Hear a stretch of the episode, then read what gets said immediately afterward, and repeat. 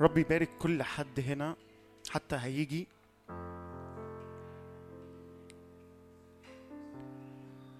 عايزك تتشجع جدا وتتشجعي جدا إن أنت النهارده جاي تقابل الرب فقط. رب يسوع فقط. وعندي إيمان جدا إن باسم الرب يسوع إن الرب هيجي يعمل حاجة معجزية لكل حد هنا. بس بشرط لو هو فتح إيده وفتح قلبه وقال له يا رب أنا عايزك دلوقتي. فالاجتماع النهارده حتى بداية التسبيح إحنا هنشتغل مع بعض.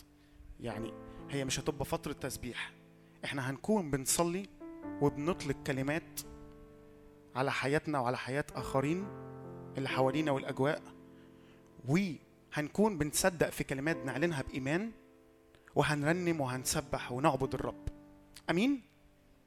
فلو انت حاسس ان الدنيا مدعوكة عندك أو انت مضغوط حلو قوي. أنا أقول لك على حاجة يعني ده حلو جدا. تعالى بقى بالضحكه دي كلها كده وقول له يا رب أنا اهو. تعالى لو انت حاسس ان في وش في دماغك قول له يا رب أنا أنا تعبان. يسوع بيحترم وبيقدر مشاعر كل حد هنا. بيقدر مشاعرك جدا. بيقدر نفسيتك اللي ممكن تكون تعبانة. ده مش كلام تشجيع بجد عن عن خبرة وعن تجربة. كل المؤمنين أعتقد اسألهم لو روح له بمشاعره. داوود أكبر مثال. يا رب أنا تعبان أنا نفسيتي متدمرة. رب يشفيه أمين؟ تعالوا نغمض عينينا وننسكب في حضور الرب.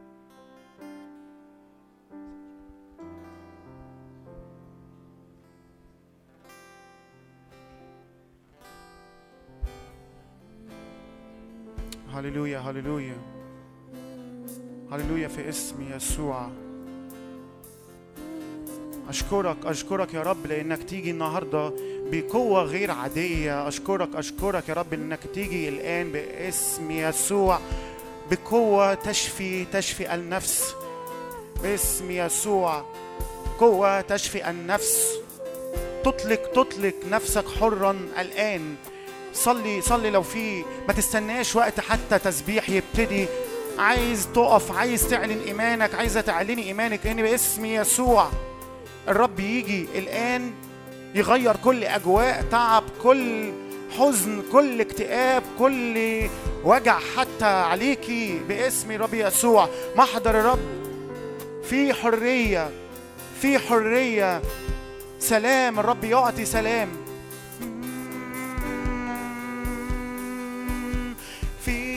محضرك يا رب الخوف في محضرك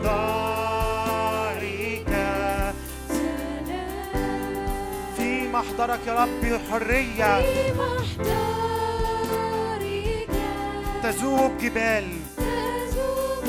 روح له بالتشويش وقول له أنا عايز يا رب تغير كل حاجة في ذهني الآن. في محضرك في محضرك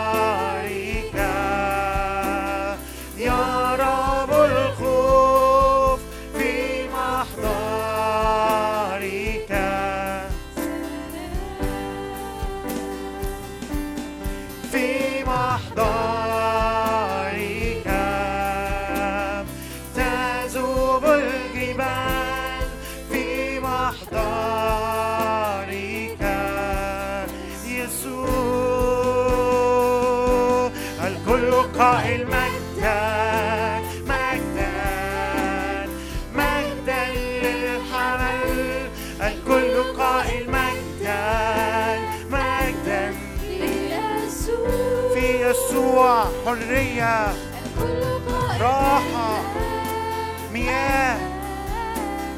مجدا للحمل الكل قائل مجدا. مجدا. الكل قائل مجدا. الكل قائل مجدا. مجدا.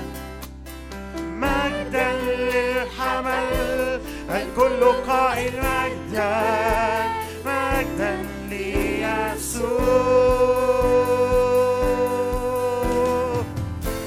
مجد لمجد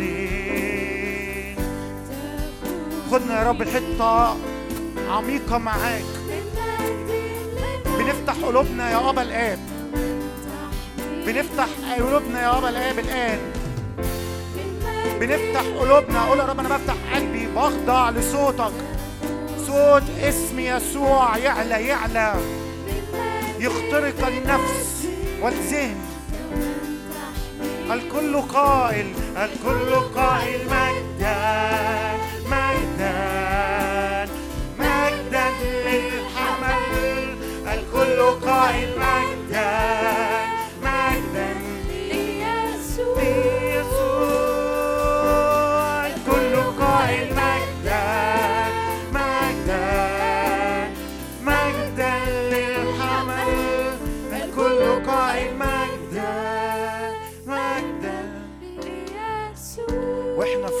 الصلاة ومغمضين عينينا مركزين على الرب. أشعياء 40 ومن عدد 31 بيقول وأما منتظروا الرب فيجددون قوة يرفعون أجنحة كالنسور يركضون ولا يتعبون يمشون ولا يعيون. من عدد 31 وأما منتظروا الرب فيجددون قوة يرفعون أجنحة كالنسور يركضون ولا يتعبون يمشون ولا يعيون. في اسم الرب يسوع. يمكن الكلام ده سمعته قبل كده النسر بعد أربعين سنة بيحتاج يغير ريشه لما بيعجز ومنقاره يخبطه عشان يغيره وبيقعد بيجيله قوة جديدة تاني. يا رب باسم الرب يسوع. يمكن سنك مش كبير. يمكن تكون أو انت أو أنت حاسس إن أنت صغير قوي في القاعة أو أنت بتسمع الكلام ده. لكن قول له يا رب أنا عايز قوة كالنسر. أنا عايز يا رب أجدد قوة منك بالروح القدس. لو أنت مضغوط اترمي في حضن الابا الآب. لو أنت مضغوطة اتحين اترمي في حضن ابا الآب على الشط المية كده. قول يا رب أنا جاي لك كده يا رب سايب لك نفسي. أنا سايب لك نفسي يا رب. وإحنا في الدقيقة ديت شوف إيه اللي تعبان أو اللي أنت حاسس إن أنت تعبانة فيه قول يا رب أنا عايز قوة كالنسر. ممكن يكون مرض ممكن يكون آه، نفسيتك اكتئاب حزن. قول يا رب أنا جاي لك أهو أنا الشط. خدني بقى معاك.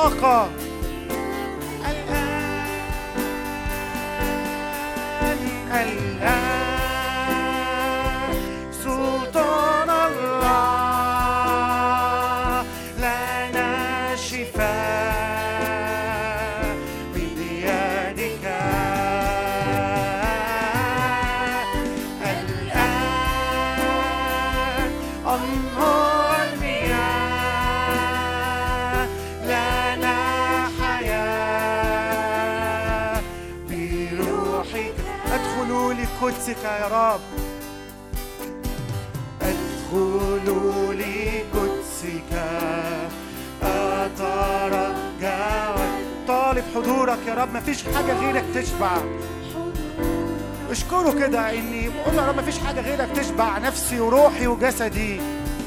أنت إلهي ملجئي وصخرة خلاصي. أدخل لقدس الأقداس. أشكرك يا رب إني على حساب دم يسوع. بندخل بنتطهر.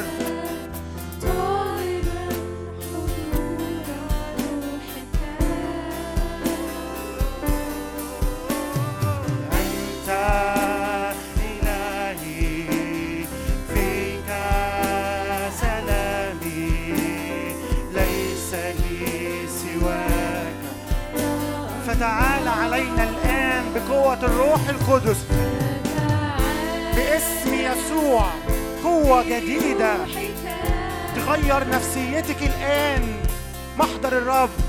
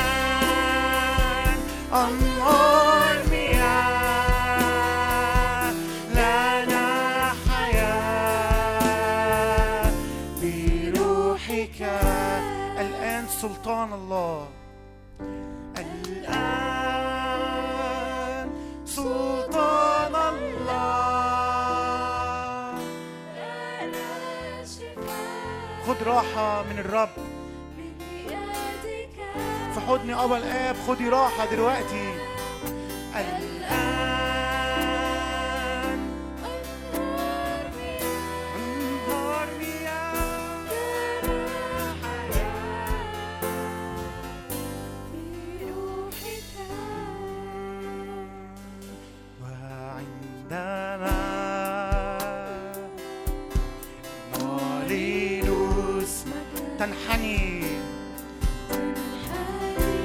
كل أصوات تانية في اسم الرب يسوع. تخضع تخضع أمام الرب.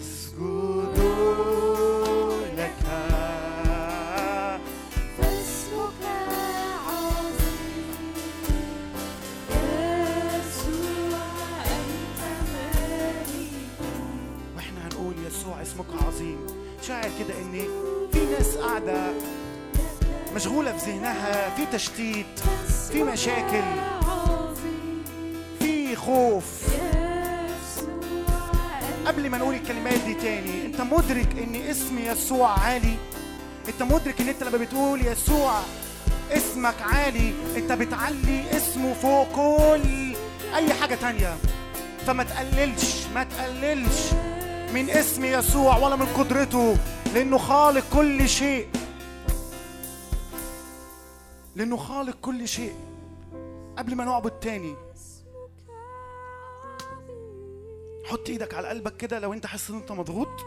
يا رب باسم يسوع أنا بعلي اسمك. يسوع اسمك عظيم. يسوع اسمك عظيم. تعالوا تعالوا كلنا نقولها. يسوع اسمك عظيم. طلع صوت حتى أقولها كده. يسوع اسمك عظيم. اقوى أقوى. يسوع اسمك عظيم. ده مش حماس ده إعلان. يهوه اسمك عظيم. يهوه اسمك عظيم. قول بصوت عالي ما تخافش. ضد كل خوف ضد كل تعب ضد كل مرض ضد كل اكتئاب. اور الشباباشي اور باباشي ضد كل تعب. الان اسم الرب يستعلن روح قدس الان يطلق يفك كل نير باسم الرب يسوع. يفك كل نير. هللويا. يسوع يسوع. يسوع اسمك عظيم يفك كل نير ويطلق نعم. ولا سحر ولا عرافة باسم يسوع. ولا خوف ولا أرواح مرض باسم يسوع. اسم يسوع أعلى أعلى أعلى أعلى يسوع. اسم يسوع أعلى. من مواريث أجداد باسم يسوع. من مواريث باباك ومامتك وكلام سلبي اترمى عليكي. قد رفع النقاب قد رفع النقاب. وانشق الحجاب قولها بإيمان زي كل مرة. قول له أنا بنفصل عن كل حزن حتى عن كل كآبة امتحانات. معاينة. مجد الآن قد رفع النقاب قد رفع النقاب. وانشق الحجاب. قد رفع النقاب. وانشق الحجاب. لنعاين مجد الآن بإيمان من الآن نرى سماوات من الآن من الآن من الآن. نرى السماوات مفتوحة. من الآن من الآن. نرى السماوات مفتوحة.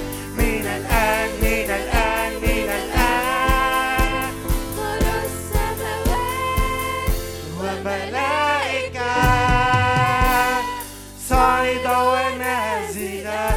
تاني من الآن حتى والموسيقى هادية. من الآن من الآن من الآن. طلعها بصوتك. طلعها بصوتك إدراك إن السماء مفتوحة. كل طلبة الآن باسم رب يسوع تتمم. كل طلبة باسم رب يسوع من القلب. من الآن. طلع من قلبك. قول له أنا مخنوق. قول له يا رب أنا أنا عايز قبلك. قد صعد ونازلا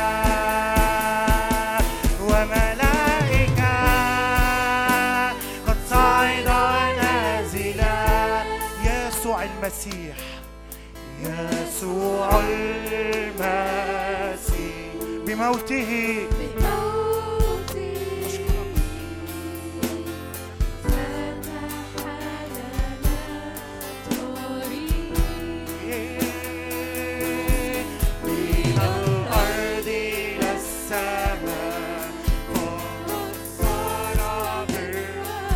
لندخل إلى قدس الأقداس. يسوع المسيح. يسوع المسيح. بموته فتح لنا عبور. عبور باسم يسوع. من كل ضيقات. عليكي أو عليك. عبور باسم رب يسوع. من كل مشكلة.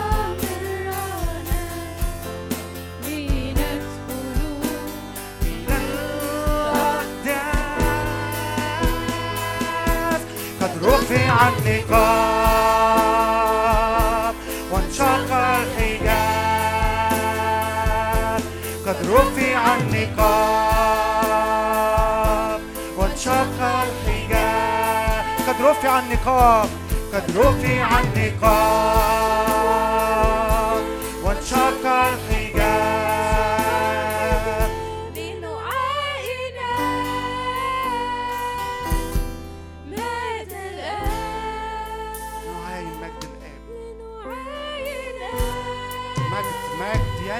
بمجد لأجلك ولأجلك مجد مجد.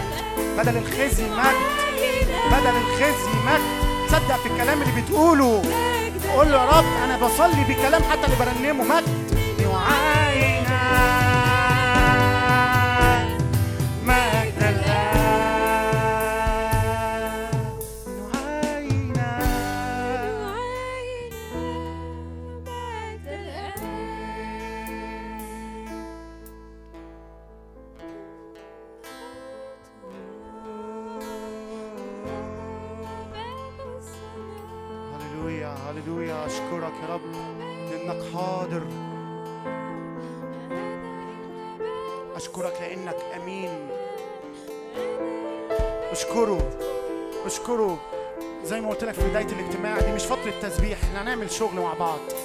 وقت هنعلن كلمات على حياتنا وعلى أجواءنا وعلى بيوتنا وصلوات.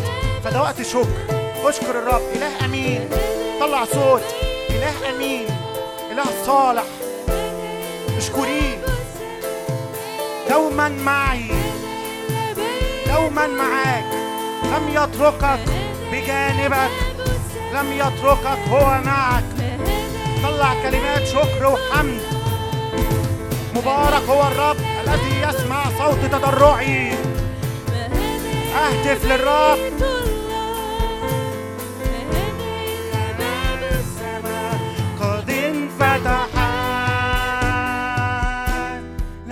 السماوات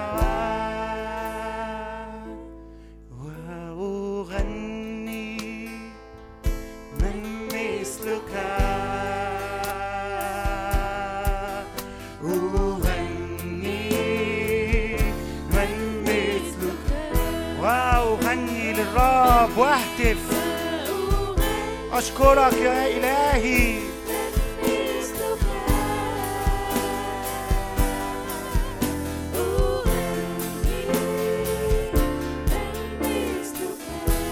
أبي أنت أبي أنت. وإلهي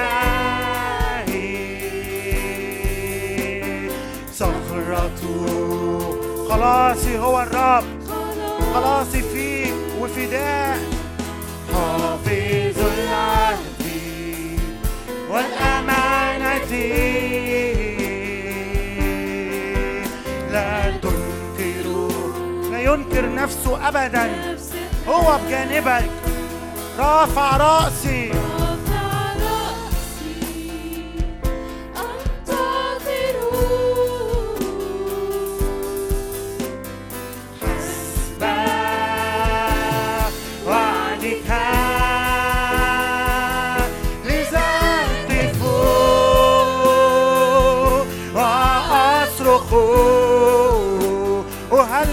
للرب وأهتف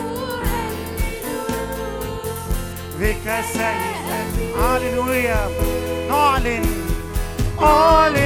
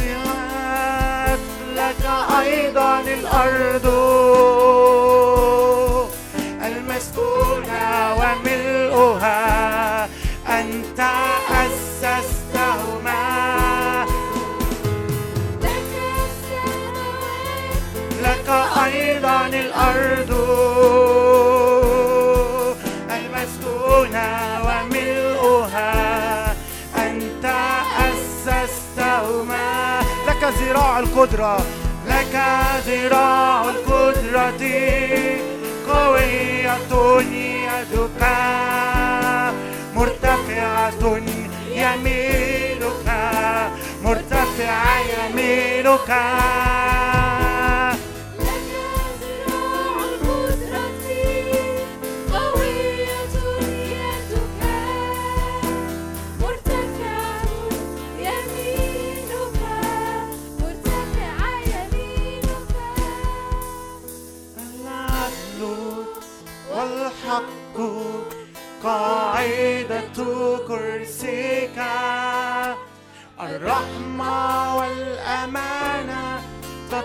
that man.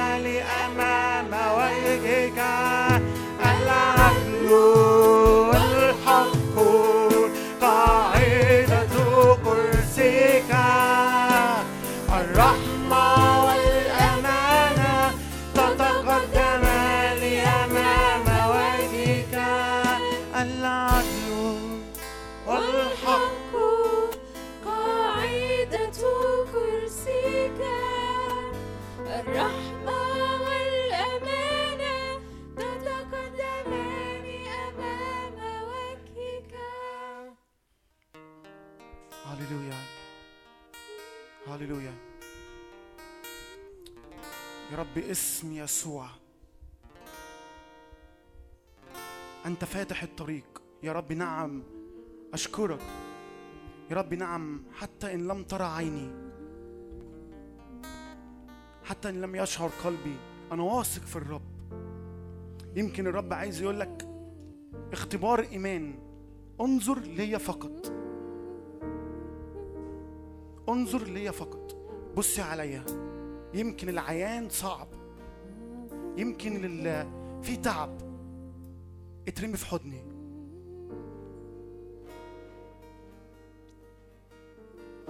حتى إن لم ترى عيني حتى إن لم يشعر قلبي أنت لا أنت لا تهدى أنت لا أنت لا تسكن حتى إن لم ترى لم يشعر قلبي. أنت لا أنت لا تهدى. أنت لا أنت تاني أعلنها. حتى إن لم ترى عيني حتى إن لم يشعر قلبي. أنت لا أنت لا تهدى. أنت لا أنت لا تسكت. فاتح الطريق. صانع العجائب حافظ العهد نور في الظلمة. ربي أنت ذا الإله. فاتح الطريق فاتح الطريق. صانع العجائب حافظ العهد نور في الظلمة. هو فاتح الطريق. هللويا. فاتح الطريق.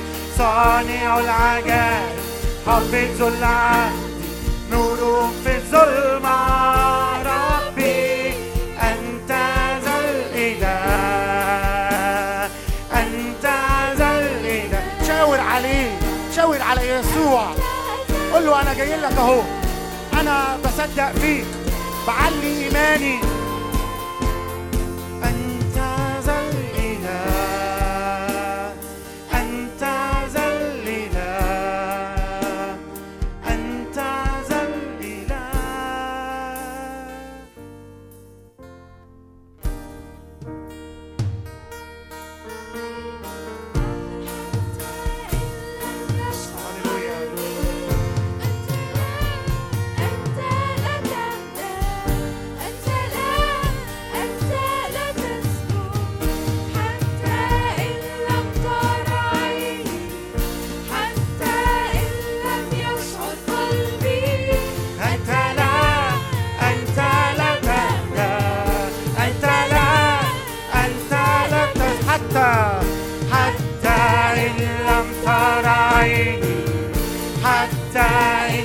نرحب بيك يا رب نرحب بحضور مليان من الروح القدس.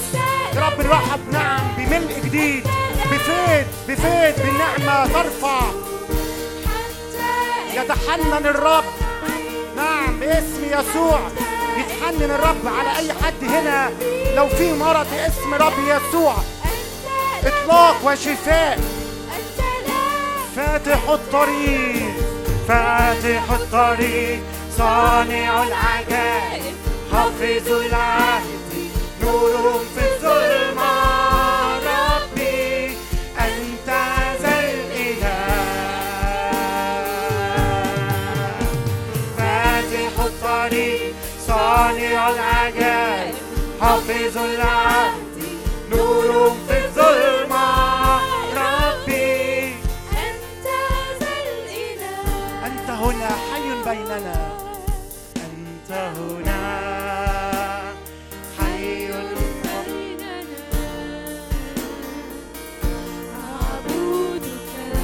نعبدك من قلب طاهر ونقي. أنت هنا.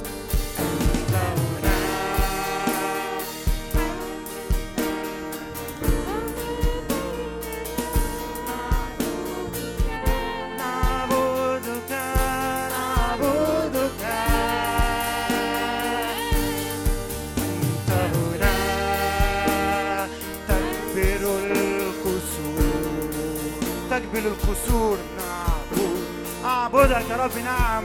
تشفي تشفي. فاتح الطريق فاتح الطريق. صانع العجائب حافظ العهد نور في الظلمة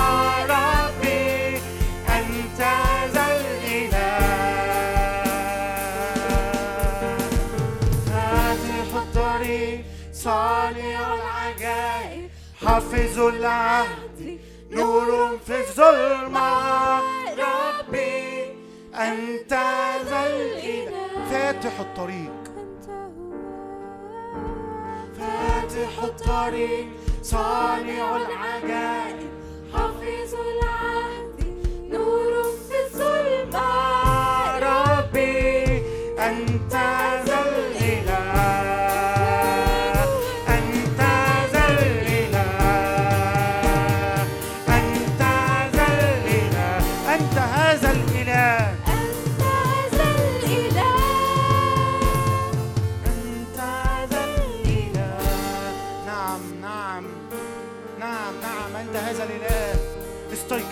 استيقظي يا ذراع الرب؟ البسي قوة يا محبوبة. باسم يسوع. نادي نادي كده على نفسك. قول له استيقظي استيقظي يا ذراع الرب. نادي على الوقت اللي مش بتاخد فيه خلوة. قول له استيقظي استيقظي يا ذراع الرب. نادي على الوقت التعب. استيقاظ في اسم الرب يسوع. ما لم ترى عين ما لم تسمع به أذن.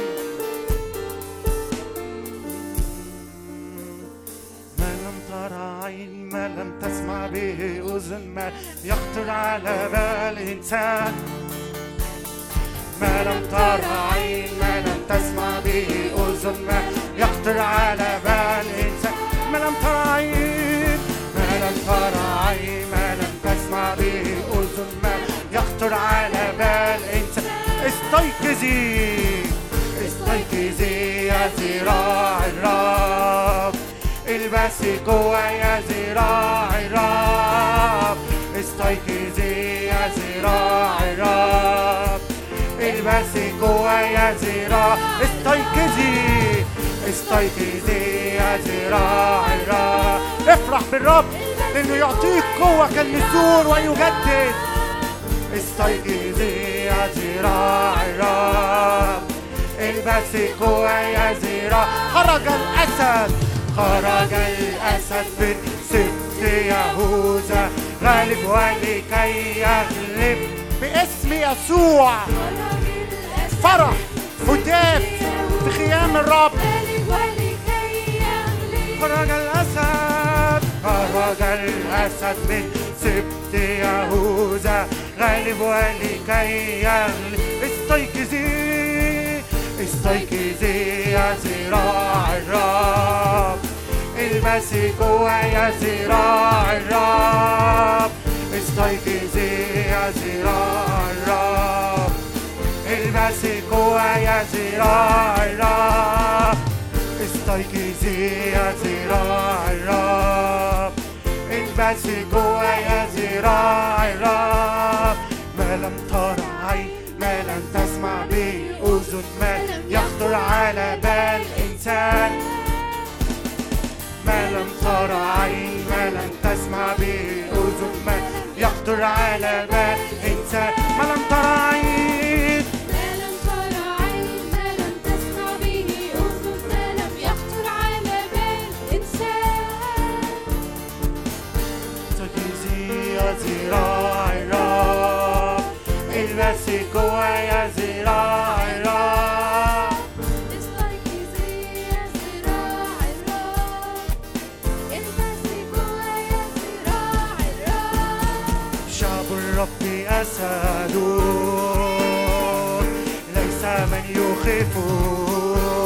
لا يرهبه لا يرهبه عدو ولا ولا يقدرون ولا يذل شعب الرب أسد شعب الرب أسد. باسم يسوع مسحة أسود ونسور نعم تنسكب علينا الآن. لا يرهبه ولا يحاربوننا ولا يقدرون. يحاربوننا ولا يقدرون علينا. فالرب يحفظنا.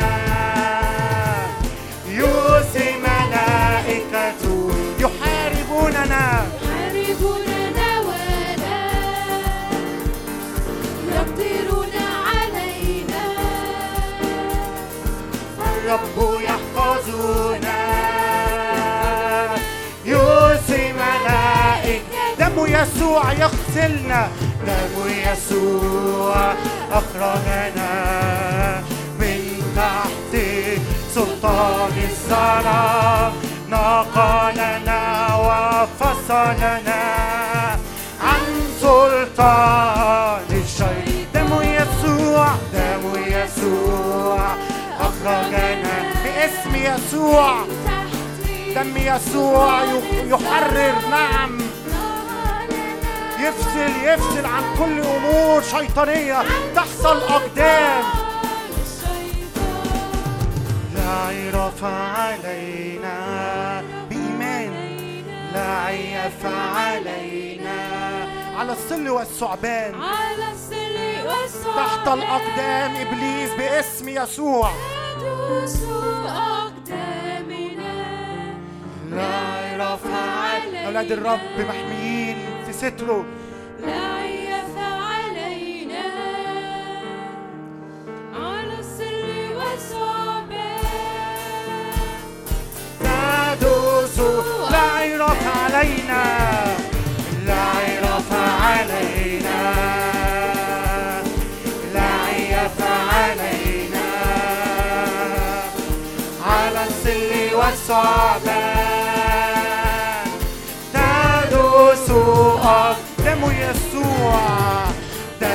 يسوع أخرجنا من تحت سلطان الظلام.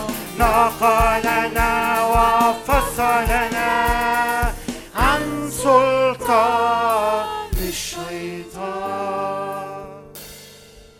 ارفع إيدك كده معايا. اعلن كده.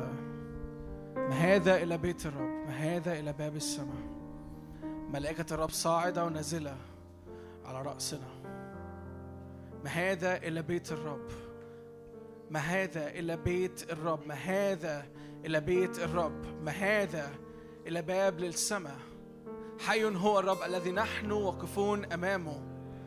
هذه أرض مقدسة. اخلع عن عليك. لو لسه أنت شاعر إن في حاجة خطوة محتاج تعملها أرجوك ما تستناش لوقت الوعظة ما تستناش لوقت العبادة اللي بعد الوعظة. دي فرصة الآن. اخلع اخلع تقل كل تقل اخلع كل كل كل شكاية اخلع كل كلام كذب اخلع كل كلمة سلبية اخلع كل تأثيرات وكل جروح. إبليس رماها عليك انفض كل تراب لأنه الرب جاي يجملك وبيجمل الأرض اللي أنت واقف عليها بيقدس الأرض اللي أنت واقف عليها. هللويا هللويا. هللويا هللويا. حي هو الرب حي هو الرب حي هو الرب. يمكن محتاج تاخد دقيقة تدرك فيها هذا الأمر. الرب حي جدا إله حي جدا. ليس هو صنم. هللويا هللويا هللويا هللويا. ليس الصنم ليس الصنم حي مليان حياة. إله مليان مليان مليان قوة مليان حياة. هللويا. يا روح الله بقى اعلن كده في أجواءنا الان قوة حياة قوة حياة خارجة من وجهك. هللويا. هللويا. هللويا. هللويا. لا موت لا عرافه ولا عيافة على شعبك. هللويا. كل نفس هنا كل نفس هنا بتنبأ عليها الآن قوة حياة تسترد لنفسك تسترد لنفسك تسترد لاسمك لمجد اسمك تسترد نفوس كثيرة هللويا لا موت بل حياة. انفض عنك كل ربط كل ربط ظلمة كل كل شكاية من عدو الخير. هللويا. لا تستمر كل خدعة في حياتك بل تفضح الآن في اسم الرب يسوع. هللويا. لأنه الرب إلهنا هو نور وطبيعته نور. هللويا. فلا يبقى أمر في الظلمة لا يبقى أمر في الظلمة لا يبقى أمر في ظلمة. هللويا. يدعوك ابن للنور نحن أبناء النور. هللويا. هللويا. فاقف كده وانتصب اقف كده ما تفضلش قاعد في مكانك. اشعر بحرية في المكان. الرب جاي بنصرة في نصرة في نصرة. في موكب منتصرين بيتحرك. الكب فيه لأنه ده وقت تتحرك مع هذا الموكب. لا تبقى في مكانك لا تبقى لا تبقى لا تبقى. ده مش زمن فرجة يا جماعة ده مش زمن فرجة. ده مش زمن فرجة. انتهى هذا الزمن. انتهى الزمن اللي فيه قاعد بتتفرج على نفسك أو بتاخد شفقة على نفسك أو تشعر بصغر نفس. وتقف تلف حوالين نفسك في هذه الأمور. انتهى لأن الرب بيخرج جيل صاعد. هللويا. جيل صاعد أمام الرب. هللويا. والرب بيصعد أمامه كفتاك. هللويا بيفترس كل عدو. هي ازقر ازقر لأن الرب بيزقر كن في اتحاد مع طبيعة الرب. الرب إلهنا نار أكلة. نار أكلة. هي هي هي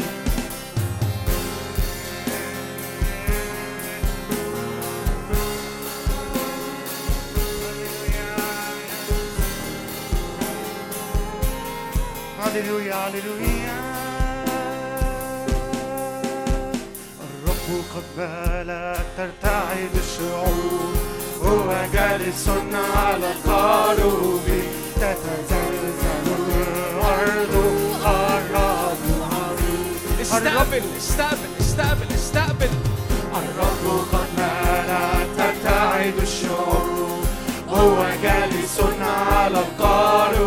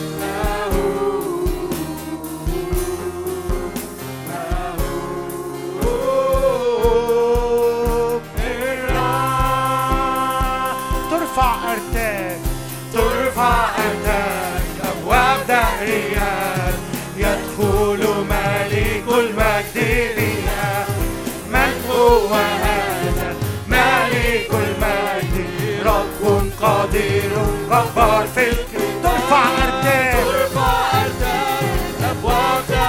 اسم يسوع. كل ضغوطات تحت الأقدام طرد الكل. مالك المجد؟ رب قدير غفار أنت قدوس. أنت قدوس.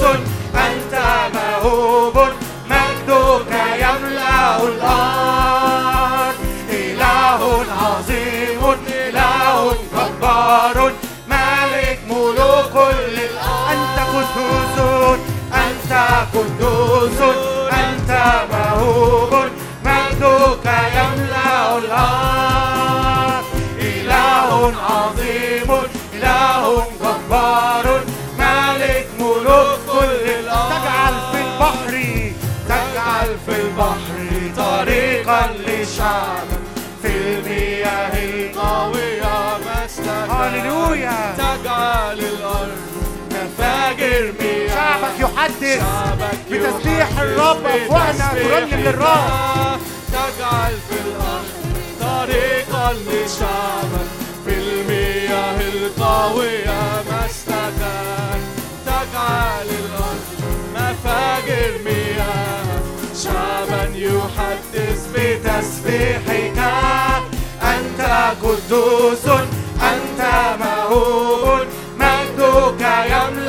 الأرض إله عظيم إله جبار مالك ملوك قدوس أنت قدوس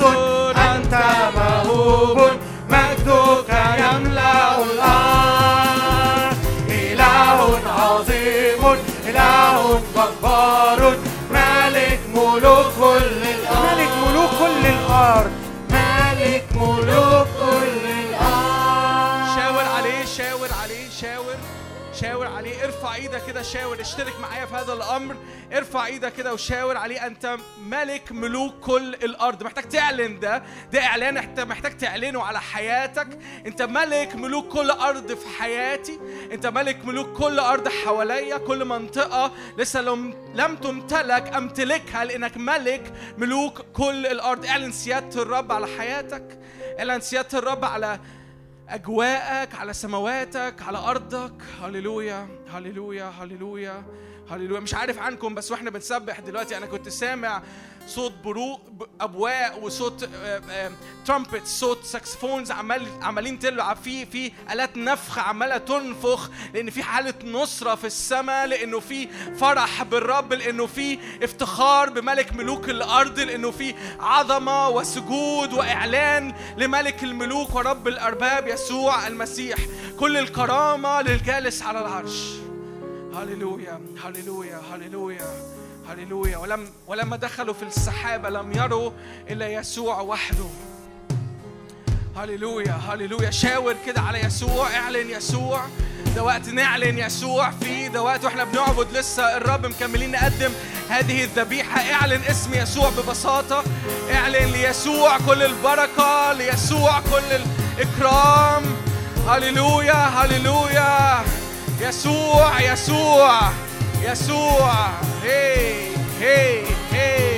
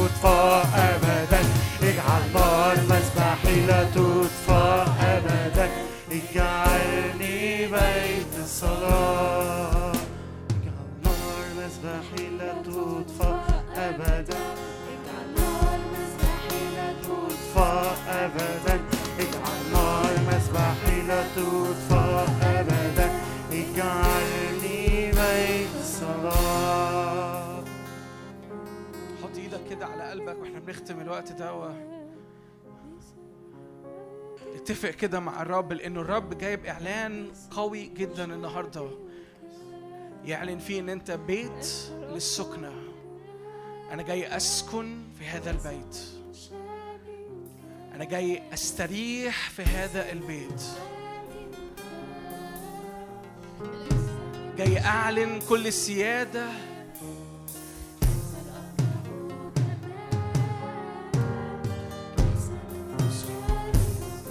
كل آلهة غريبة تهتز ترتجف وتسقط كل قيود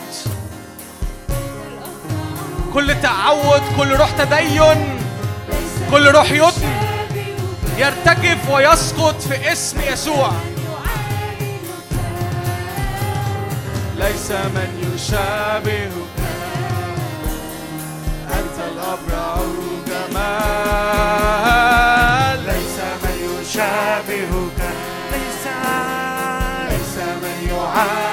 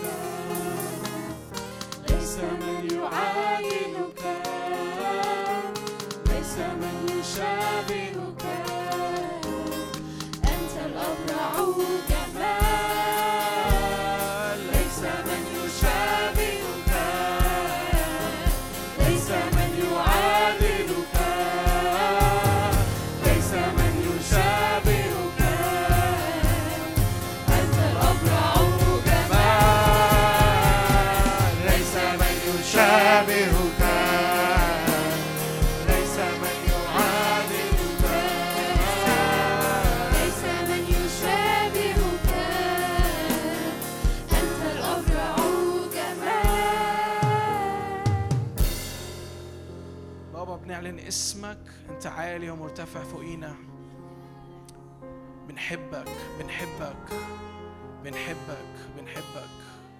ليس مثلك في كل الأرض. أنت الأبرع جمال. أنت مشتهى الأمم. بنبارك اسمك من الآن وإلى الأبد. آمين.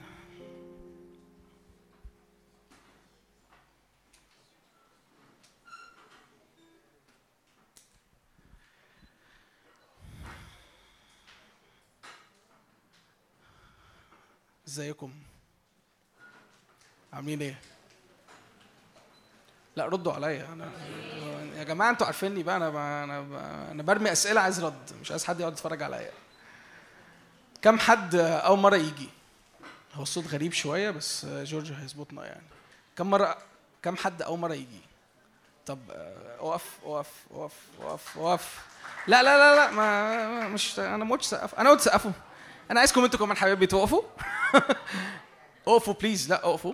واعملوا دوشة وتحركوا وسلموا على بعض.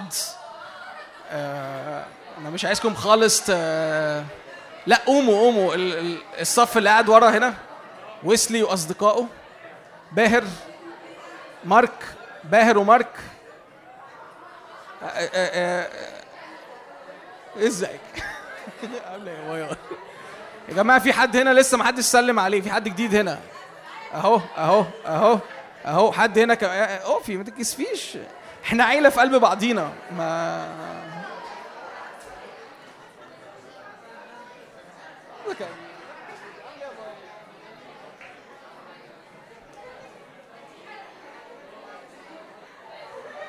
هاي انت قاعدة ليه؟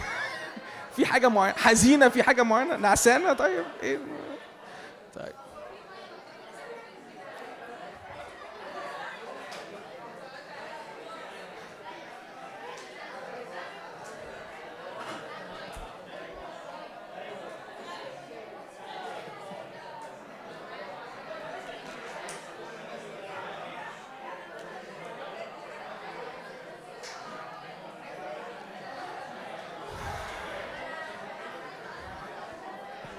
لو لسه قاعد في مكانك فأنت في خطية عظيمة. ماشي؟ أنا سبت لك فرصة تعمل دوشة عشان ما تعملش دوشة تاني. آه. ديل. طلعتوا الطاقة اللي عندكم؟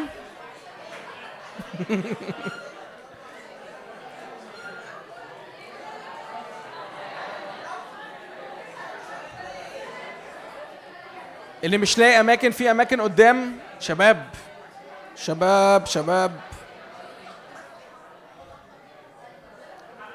حد مش لاقي مكان؟ ولا أنتوا أنتوا عايزين تكملوا الدنيا كده؟ ده أنا حاسس بيكم. طيب. طيب. أنا دايما بحب ابتدي لما يبقى عليا وعظة اعمل الموضوع آم، عشان تقريبا يعني اللي حضر لي قبل كده كتير حفظ يعني ليه. لأن أنا بشوف جدا قد إيه غلاوة إن إحنا نمارس محبتنا تجاه بعض وقد إيه غالي عند الرب إن إحنا نعمل ده كعيلة كجسد. ملوش علاقة بموضوع بانت بتحضر معانا بقالك آه، مدة أو أنت حد جديد في وسطينا. أنت من جسد الرب أنت من عيلة الرب. دي حاجة أنت محتاج تستقبلها. ولو مش متعلم تستقبلها أنا ب... يعني بأكد عليك إن أنت اجتهد إنك تستقبلها إنك تفهم ده بشكل حقيقي لأنه العالم أسهل حاجة عنده إنه يصدر نوع من أنواع المحبة المزيفة بالذات وسط الشباب وسط السن بتاعنا دوا ويطلع حاجات بتجرح مش بتمثل ملكوت الرب ولا تمثل طبيعة الرب. عشان كده ده أكتر مكان آمن تقدر تمارس فيه ده آه، بحرية.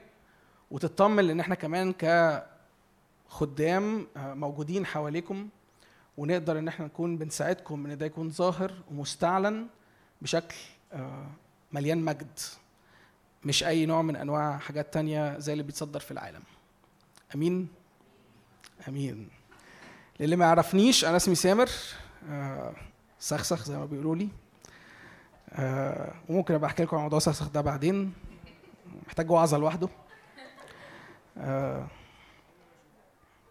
بس آم، أنا أنا مستغلي قوي إن إحنا موجودين النهارده مع بعض إن إحنا موجودين النهارده مع بعض. مش عشان عليا الوعظة لكن لأنه النهارده يوم مهم في تاريخ الكنيسة. مش عارف أنتوا عارفين كده ولا لأ. بس النهارده آه، يوم حلول الروح القدس. وده يوم مهم قوي في تاريخ الكنيسة آه، وفي تاريخنا وفي تاريخ آه، البشرية بشكل عام. نقطة فاصلة في كل حاجة حصلت وفي كل حاجة لسه هتحصل. فأنا مصدق إن الرب النهارده عايزنا نحتفل بده عايزنا نعيد بشكل حقيقي بهذا الأمر. عايزنا نستيب إن كأننا بندخل إلى أرض آه، للي ما دخلهاش قبل كده. ولو دخلتها قبل كده واختبرتها وعندك علاقة شخصية مع الرب ومختبر الروح القدس في حياتك صدقني there is more. في أكتر أكتر أكتر بكتير قوي. في أكتر بكتير قوي. دماغك ما استوعبتوش وما تخيلتوش وما سمعتش عنه قبل كده. الرب عايز يفاجئك بيه. مش بس النهارده إنما للزمن اللي جاي كله. أنا مصدق إن النهارده ممكن يكون بشكل نبوي نقلة ابجريد الرب جاي يعملها بشكل شخصي ليك لكن كمان لينا كاجتماع ولينا كخدمة. فصلاتي إنك تكون وأنت في الوقت ده بتحضر الاجتماع خلي روحك مفتوحة آه، لأن الرب هيكون بيخبط بقى إيه؟ يعني بالعرض. ماشي؟ يعني اللي اللي هيلوشه هيلوشه. أنا مش مسؤول عن اللي هيحصل. خلاص؟ يعني ال- ال- الموضوع هيجي فيه هيجي فيه. بس خليني ابتدي معاك وأقول لك أنا مش يعني أنا شخصيا بشكل شخصي أنتوا بتظبطوا الموضوع. ماشي. أنا بشكل شخصي بقف بست... بستعجب جدا عن قد إيه إحنا عندنا إدراك لمعنى كلمة إن إحنا مسيحيين. مش عارف عنك بس أنا الحاجات الفلسفية دي بتستهويني وبقف قدامها كتير في الأسئلة التافهة بقى اللي هي إيه؟ هو إحنا ليه اسمنا مسيحي؟ يعني ليه ليه حد مسيحي هنا؟ زي ما دكتور نادر بيقول ارفع إيدك يعني لو أنت هذا الشخص. بس ليه دعينا مسيحيين؟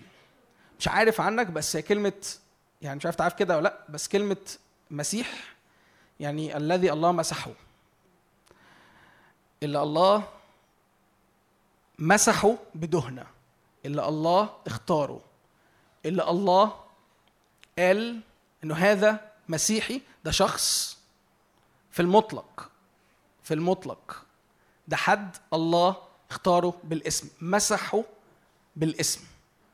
حضرتك النهارده لو بتقول على نفسك في البطاقة أو من غير البطاقة لو بتقول على نفسك مسيحي حضرتك شخص ممسوح. المسيحية في طبيعتها بتخلي توقعنا للمعجزة موجود طول الوقت. المعجزة في إنه أنا مش الطبيعي إن أنا أختار من الله أكيد ولا يمكن أي حد من حضراتكم لو قسنا بمقاييس آه الإلهية بالذات لو بصينا على العهد القديم أكيد ما حدش فينا يبقى يستاهل إنه يكون موجود النهارده ويدعى اسمه. مسيحي. لأنه كلنا كلنا كلنا دقنا واشتركنا مع العالم في الخطية وكلنا سيبنا بطريقة ما جزء مننا يفسد وده ممكن يكون بدون ما نكون متحكمين فيه حتى. ده ممكن يكون بسبب حتى إنه بس العالم وضع في الشرير. ده لو مش هقول إن أنت يعني اشتركت عن قصد في أي نوع من أنواع الخطايا في حياتك وإن أنت قديس وإن أنت كده يعني ربنا يباركك. بس أنا مش كده. و والعالم اللي وضعنا فيه هو عالم شرير هو عالم مليان شر. هو عالم من حولنا بيشكل أجواء مليانة شر. هو بيشكل أجواء مليانة خطية. هو طول الوقت في محفزات إنه أي حد حتى لو آه، شخص مسالم جدا طيب جدا شخص كويس بس حتى لو هو بيمارس أقصى درجات التقوى الشكلية هو معرض طول الوقت إن هو يشترك في أعمال ظلمة. أنتوا مصدقين معايا بالحقيقة دي ولا شاكين في الحقيقة دي؟ لا كلموا أنا ما أنا بقى أنا بقى أقعد أقول لكم ردوا على يعني انجزوا. صح ولا أنا يعني بفتري على العالم ده العالم ده جميل ولذيذ وأنا مفتري؟ بعد الشر؟ انت قلتي بعد الشر بس بس ال- اللي حاصل انه حتى لو دي الطبيعة وحتى لو دي الأجواء اللي حوالينا وحتى لو ده العالم ال- اللي إحنا وضعنا فيه لكن في نفس الوقت في هوية أنا وأنت في حاجة بتغير في الدي ان إيه بتاعنا في حاجة بتغير في ال في ال في مستوى التوقع بتاعنا بس عشان إحنا بنتبع هذا الشخص اللي اسمه يسوع المسيح الناصري. الطبيعة بتاعت الرب لما أنا وأنت قبلنا هذه الطبيعة خلت فينا توقع إن كل حاجة شكلها طبيعي تنهار قدام اسم يسوع. إحنا بالطبيعة بقينا ناس مدمنة كل ما هو غير طبيعي. الغير طبيعي بقى هو الطبيعي بتاعنا. توقع المعجزة بقى هو الحاجة الوحيدة اللي إحنا مستنيينها طول الوقت. إن كل طبيعي ينحني قدام هذا الاسم ينحني قدام اسم يسوع. دي حاجة بقت عارفين يعني عارفين يعني إيه في الدين إيه بتاعنا؟ فاهمين المصطلح ده يعني إيه؟ يعني أنت غصب عنك أنت غصب عنك أنت مستنية في كل مقابلة مع الرب أو كل مرة أنت بتشوف حد بيتقابل مع الرب إنه يحصل إيه في حياته. معجزة. صدقني مهما حاولت تمنع نفسك مهما حاولت تقول أنا محبط مهما حاولت أنا أقول تقول لنفسك أنا حاولت إني أتوقع ده وعشان ما بشوفوش هتخلى عن هذا الإحساس هيفضل ده إحساس بيطاردك بس عشان حضرتك وعشان حضرتك تتبع المسيح. عارفين ليه؟ لأن هو المسيح ما كانش طبيعي. هي as simple as that. هو المسيح لو كان طبيعي ولو كان عرفوه بالعقل ولو كانوا عرفوا يخلوا آه، التفسيرات وال- والشرح اللاهوتي للرب مهما حاولوا إن هم يعملوا ده عن حياة المسيح عن خدمة المسيح على الأرض صدقني هيفضل فيه ثغرات. مهما حاولنا نغطي بفلسفة لاهوتية أو بفلسفة عقلي عقلانية أو بحكمة بشرية. كل اللي يفسر طبيعة هذا الشخص اللي اسمه يسوع المسيح أنا وأنت هنفشل فيه مش هنعرف. هيفضل فيه حتت؟ أصل يعني ما هو ما هو يعني هي طبيعة طبيعة هذا الشخص كان كده. هو ما كانش بيتحرك بالطبيعي هو ما كانش بيتحرك حسب حتى مستوى الأنبياء اللي كانوا العهد القديم كله عارفينه. هو جه عمل نقلة جه عمل فصلة. حاولوا يقولوا له طب أنت إيليا. تعالى كده إيه نحاول نستفك في في العهد القديم ونشوف أنت هتركب على مين. أنت إيليا. لأ أنت يمكن تكون إليشع. أنت يمكن تكون آه، أي حد يجي يخطر على بالك. ما عرفوش. ما عرفوش. فشلوا.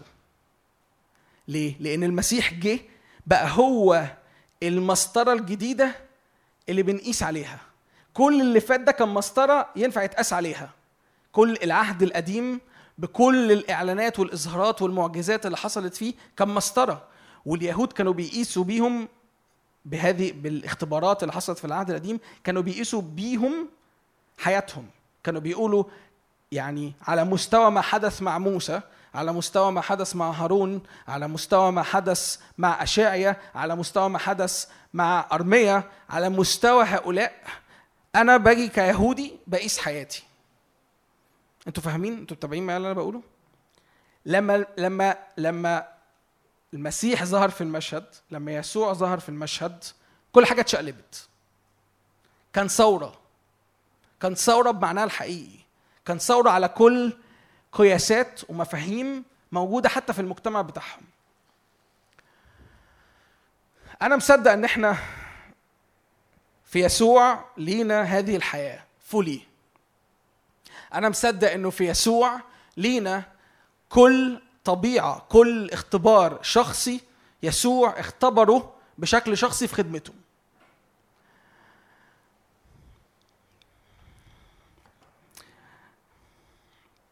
افتح معايا كده يوحنا خمسة.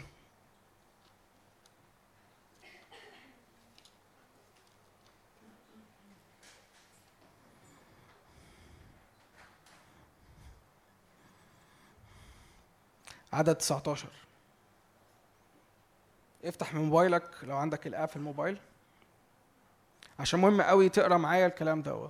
وبليز افتح بجد موبايلك. ما تستناش اللي جنبك يفتح الموبايل. ما تستناش تبص مع اللي جنبك. افتح موبايلك.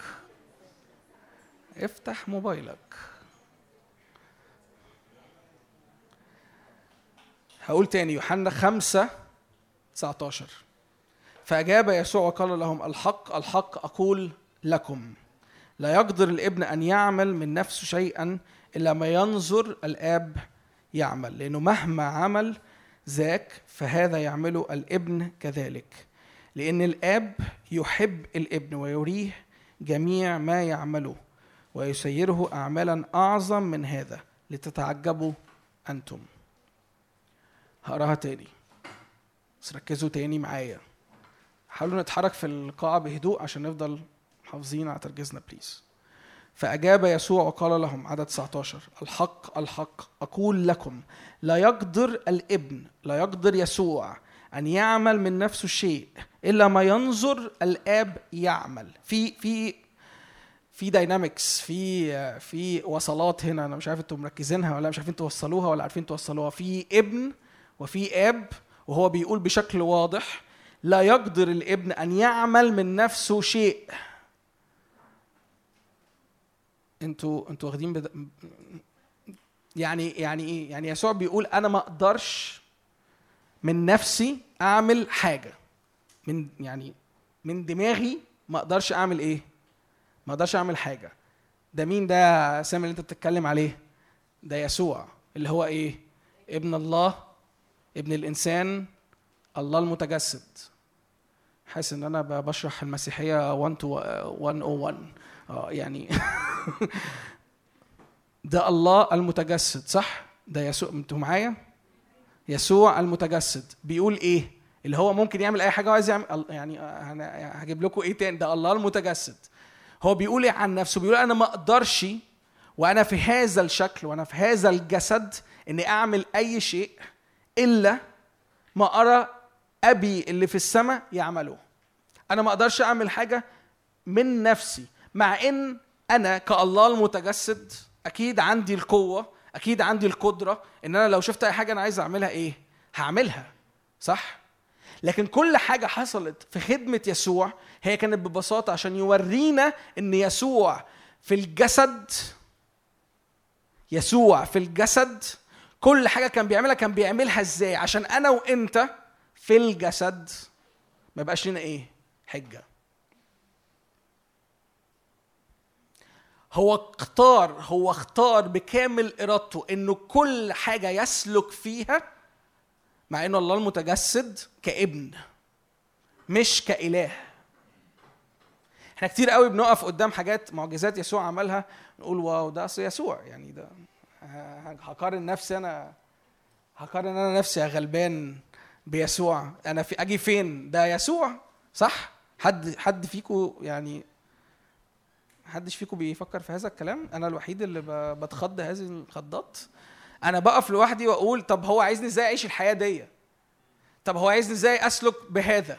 هو إزاي عايزني اكون صورته؟ يعني إيه اكون صورته؟ يعني إيه اكون شبهه؟ يعني إيه هو آه، رفعني وخلاني جالس عن يمين الاب في يسوع؟ يعني يعني اعمل إيه دلوقتي؟ إيه يعني أنا إيه مطلوب مني؟ واعيشها إزاي؟ طب ما هو ده كان يسوع. ده كان يسوع. اتاري ما كانش يسوع هو كان يسوع. هو كان متواضع انف هو اخلى نفسه.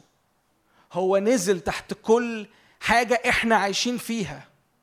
عشان يورينا بتتعاش إزاي. فما بالكش وما إيه؟ حجة. ما ينفعش تيجي تقول بعدها أصل ده فلان أصل كلمة أصل ولكن هذا يسوع دي المفروض تتلغي من قاموسنا كمسيحيين.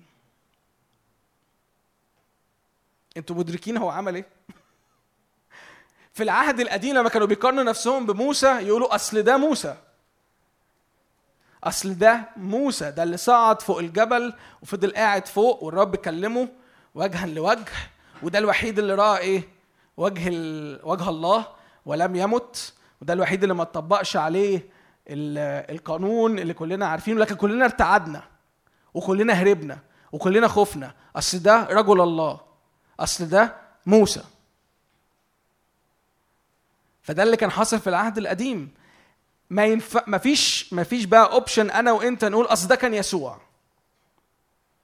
مع إن يسوع ده اللي هو يعني يعني موسى جنبه يقول له إيه؟ يا بابا. صح؟ يعني ولا أنا غلطان؟ يعني ده المعلم الكبير بقى. يعني يسوع بقى ده المعلم الكبير. صح؟ فده المفروض اللي يجي جنبه يقول له إيه؟ ما يعني ما ينفعش حد يجي جنبه. يسوع نفسه أخلى نفسه ونزل عشان يعيش عيشتي أنا وأنت. عشان يتحط تحت كل صراع تحت كل أمور وظروف في العالم وضعت اللي في الشرير دوا زي وزيك. وبيدينا هنا مفتاح مهم قوي. المفتاح إنه إيه؟ كل كل لا يقدر الابن أن يعمل من نفسه شيء إلا ما ينظر الآب يعمل. هو ده المفتاح يا جماعة بتاع البنوة. هو ده المفتاح اللي, اللي بيه بقدر أحيا هو ده المفتاح اللي بقدر بيه أسلك زي مين؟ زي يسوع. كل ما أرى الآب يعمل كل حاجة أنا أنا ببساطة شديدة أنا ابن فالعلاقة اللي ما بيني وبين أبويا مريحة جدا. ليه؟ لأن أنا ببساطة شاري دماغي. أنا ببص على السماء وأتفرج اللي بيحصل في السماء وأعمل إيه؟ أعمله. لو أنا بقيت جزء من المعادلة لو أنا بقيت في إيدي القرار لو أنا بقيت شخص بيتحكم في الأمور which is كان الاوبشن عند يسوع طول الوقت إنه يسلك كإله. إن يسلك كإله على الأرض. هو اختار إنه ما يعملش ده. ولما ما عملش دوا فتح ليا أنا وأنت السكه والطريق إنه نحيا حياة كاملة فيها قداسة كاملة فيها ملء الله كله.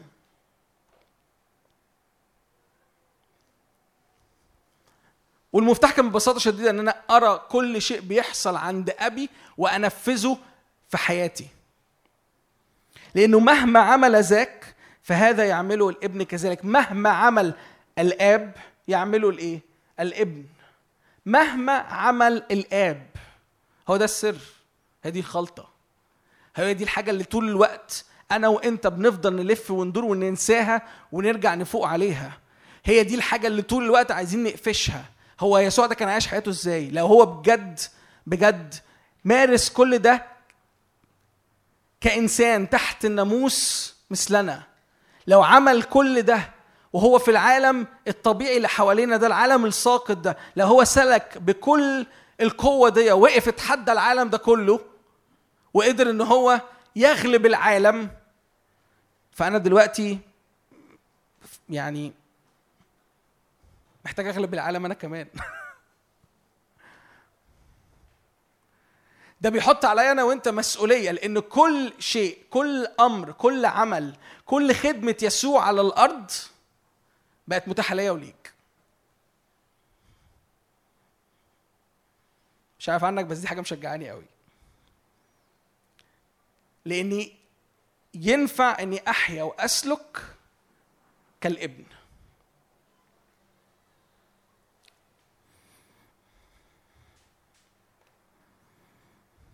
لأن الآب في عشرين لأن الآب يحب الابن ويريه جميع ما هو يعمله ويسيره أعمالا أعظم من هذا لتتعجبوا أنتم. لأن الآب يحب الابن. حد عنده شك إن الآب بيحبك عندك شك إنه باباك ده مش بيحبك؟ ممكن يكون عندك شك في أبوك الأرضي. هتفهم ده ده يعني. بس هل عندك شك إن أبوك السماوي ده للآخر بيحبك؟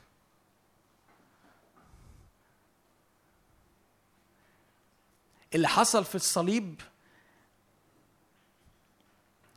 كان قمة محبة الآب ليا وليك. وبس لأني أنا النهارده وأنت بنعلن إن إحنا بنتبع هذا المسيح كل اللي على الصليب صار ليا وليك. كل هذه ال ال ال السلطان وكل القوة اللي دفعت ليسوع على الصليب إحنا خدناها فيه. لما بنقف نرنم أين شوكتك يا موتو دي مش ترنيمة حلوة. دي مش علشان يعني نتحمس ونبقى لزاز مع بعض ونقضي وقت ورشب لذيذ ونقف نسقف ونرفع إيدينا. ده إعلان حقيقي. يسوع سلك بده على الأرض إنه أين شوكتك يا موت إنه الموت ملوش سلطان عليا في حياتي. أنا مش بكلمك عن الخطية أنا بكلمك عن آخر عدو مكتوب إنه يبطل. هو اسمه الموت.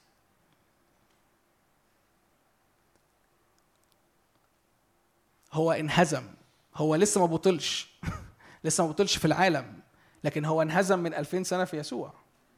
وكل تأثيرات لريحة الموت وأشكال الموت في حياتي وحياتك المفروض وأنا بس بقول على نفسي إن أنا مسيحي بس بقول على نفسي إن أنا مسيحي المفروض ما يكونش ليها أي سلطان عليا. ما أعرفش بس دي حاجة يعني بتفجر لي دماغي يعني. بسمع مدافع في دماغي بتضرب وأنا يعني بقول هذا الكلام أنا شخصيا يعني متهيألي محتاج أعيش حياتي كلها بستوعب ده. وبستقبل الإعلان ده بشكل يومي في حياتي لأن دي مش حاجة هتسمعها في وعظة وهتفهمها. دي مش حاجة هتسمعها النهارده مني وأنا بشاركها معاك وأكيد يعني آه، هتفهم هتفهمها كلها وتستوعبها كلها. دي حاجة أنت محتاج تقف قدام الرب طول الوقت وتقول له يا رب ها أنا ذا واقف أمامك. يا رب أنا عايز أسلك كابن وعارف وشاكر وبدي كرامة لمجد اسمك إن أنت فتحت لي سكة السماء في يسوع إني أرى الآب وراك كآب بتعمل إيه عشان أنا أعمل زيك. صدقني دي مش حاجة هتاخدها مرة واحدة دي حاجة هتكمل تكبر فيها طول حياتك. وكل ما بتكبر الرب بيوسع حتة في محدوديتك عشان يسكب أكتر من طبيعته فيك فتستقبل أكتر هذا الإعلان. فحتى لو أنت اختبرت إعلان زي ده عن أبوة الآب عن محبة الآب عن يعني إيه الآب بيحبك حتى لو سمعت الكلام ده قبل كده حتى لو حضرت اجتماعات حياتك كلها يا جماعة القصة مش في كده. القصة في ال... في وجها لوجه. القصة في إنه ال- النقلة اللي إحنا رايحينها هي مش هتحصل غير في وجها لوجه. مش هتحصل غير بقوة الحياة اللي خارجة من أبوك مش هتحصل غير بالسماويات اللي مفتوحة فوقيك مش هتحصل غير وانت مثبت نظرك مثبت عينيك بكل تركيز على يسوع وحده. كل مرة بتنزل عينك من على يسوع الطبيعي اللي هيحصل هو الطبيعي. إنك إيه؟ هتغرق. هو ده الطبيعي بتاع العالم. هو ده الطبيعي. اللي مش طبيعي أو اللي هو الطبيعي بتاعنا إحنا كمسيحيين ان وجها لوجه وأنا عينيا لوجد كده في عينين يسوع مقفول عليها في عينين يسوع متثبتة على عينين يسوع بيحصل إيه؟ بمشي على المية. هو ده طبيعي. ده جنون. هو الط... هو أكيد يعني خصوصا لو أنتوا أول مرة تحضروا الاجتماع أكيد وأنتوا داخلين الاجتماع حسيتوا الاجتماع ده غريب قوي يعني. إيه ال- اللي بيحصل؟ فيه ناس متحمسة قوي وعمالة ترنم و مالكوا يعني؟ في إيه؟ هو الكتاب الكتاب قال علينا كده إن إحنا لل... للناس اللي في العالم هيكون إيه؟ هنكون شكلنا مجانين. مش هيفهموا. ومش الطبيعي إن هم يفهموا لأن دي حاجة مش هتتفهم غير بالروح القدس. دي حاجة مش هتتفهم غير بالعلاقة الخاصة اللي ما بيني وما بين الآب اللي فيها بيسكب عليا أجان المسحة لأن أنا مسيحي فأنا ممسوح. وبسبب ده بس أنا بقدر أكون بره نفسي. حط إيدك كده على قلبك لو أنت شاعر إن الوقت اللي فات أنت مزنوق ومنحصر في نفسك وشاعر إنه أنت مش شاعر حاجة ومش حاسس حاجة شاعر إن أنت آه، مفصول عن اللي حواليك مفصول عن نفسك ومفصول عن أبوك. قول له كده يا رب أنا عارف أنا بأدرك أنا فهمني يا روح الله الآن إني أنا ابن وكل ما في السماء ليا. يا رب أنا مش فارق معايا أنا حاسس ولا مش حاسس. أنا بقدم قلبي ذبيحة الآن عند قدميك بالروح وبالحق.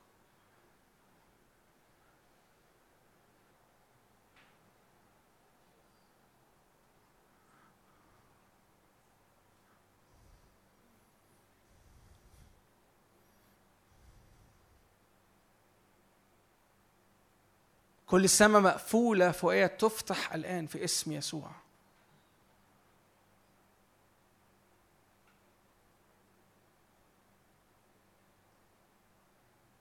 كل حالة انفصال كل مشاعر انفصال كل مشاعر وحدة تتحرق في اسم يسوع.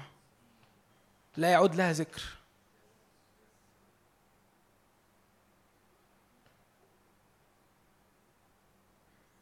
آمين.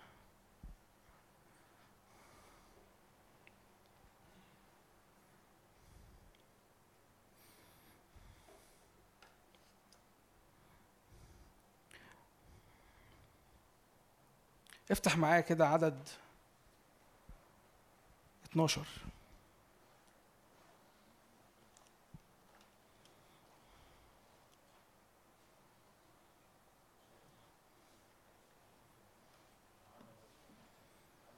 عدد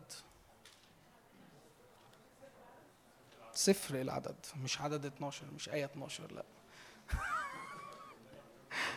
أنا آسف.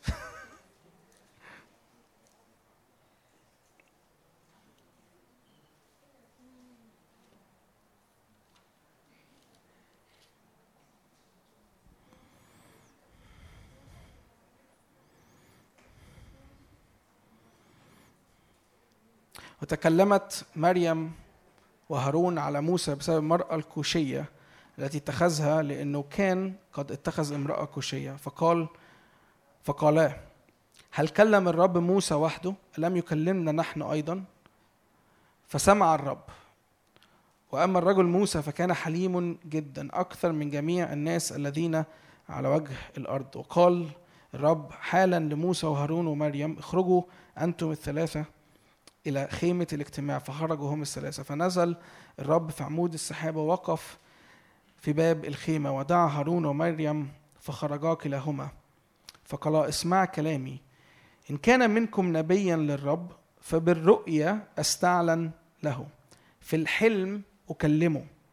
وأما عبدي موسى فليس كذلك بل هو أمين في كل بيتي.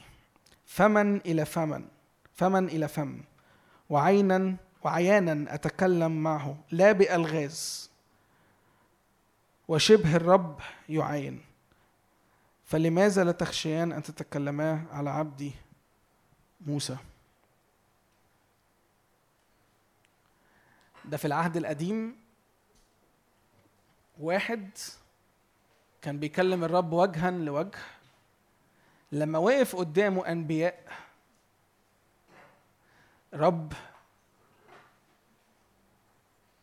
حامى عنه ودافع بنفسه عنه لأن مستوى العلاقة حتى لو دول أنبياء ركز معايا حتى لو دول أنبياء حتى لو دول أنبياء.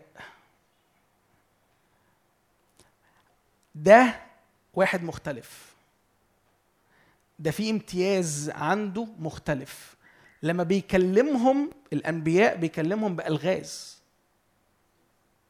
إنما هو رب مش بيكلمه بألغاز.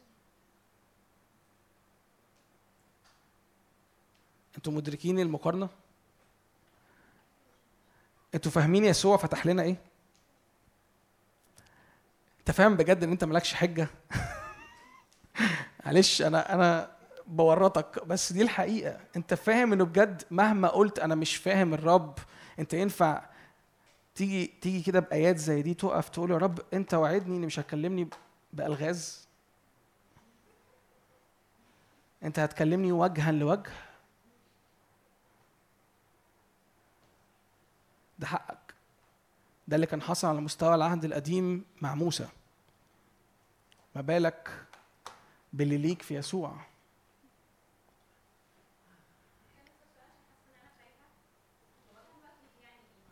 إيه ده؟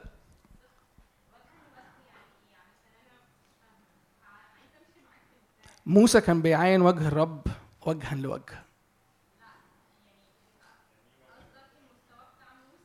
آه. يسوع كان بيرى وجه الآب وجها لوجه. هو اللي كاتب كده هو اللي قايل كده. هو اللي قال أنا كنت بشوف أبي بيعمل إيه؟ كنت بشوف أبي بيعمل إيه؟ وأعمل زيه. مش ده لسه قارينه؟ كان بيشوف بعينيه بيحصل إيه في السماء حرفيا ويعمله. فده معناه إنه أنا وأنت أنا وانتي مش بس في الصليب يتفتح لنا دوا لكن ده المكانة ده المكان ده الموقع اللي أنا فيه بمارس علاقتي مش سلطاني مش عشان أعمل آيات وعجائب. مش علشان أبقى مبهر مش علشان أنا آخد حاجة. ده شكل العلاقة الطبيعية ما بيني وما بين الآب. ده ال default. عارفين ال factory reset option إحنا محتاجين نعمل factory reset كلنا.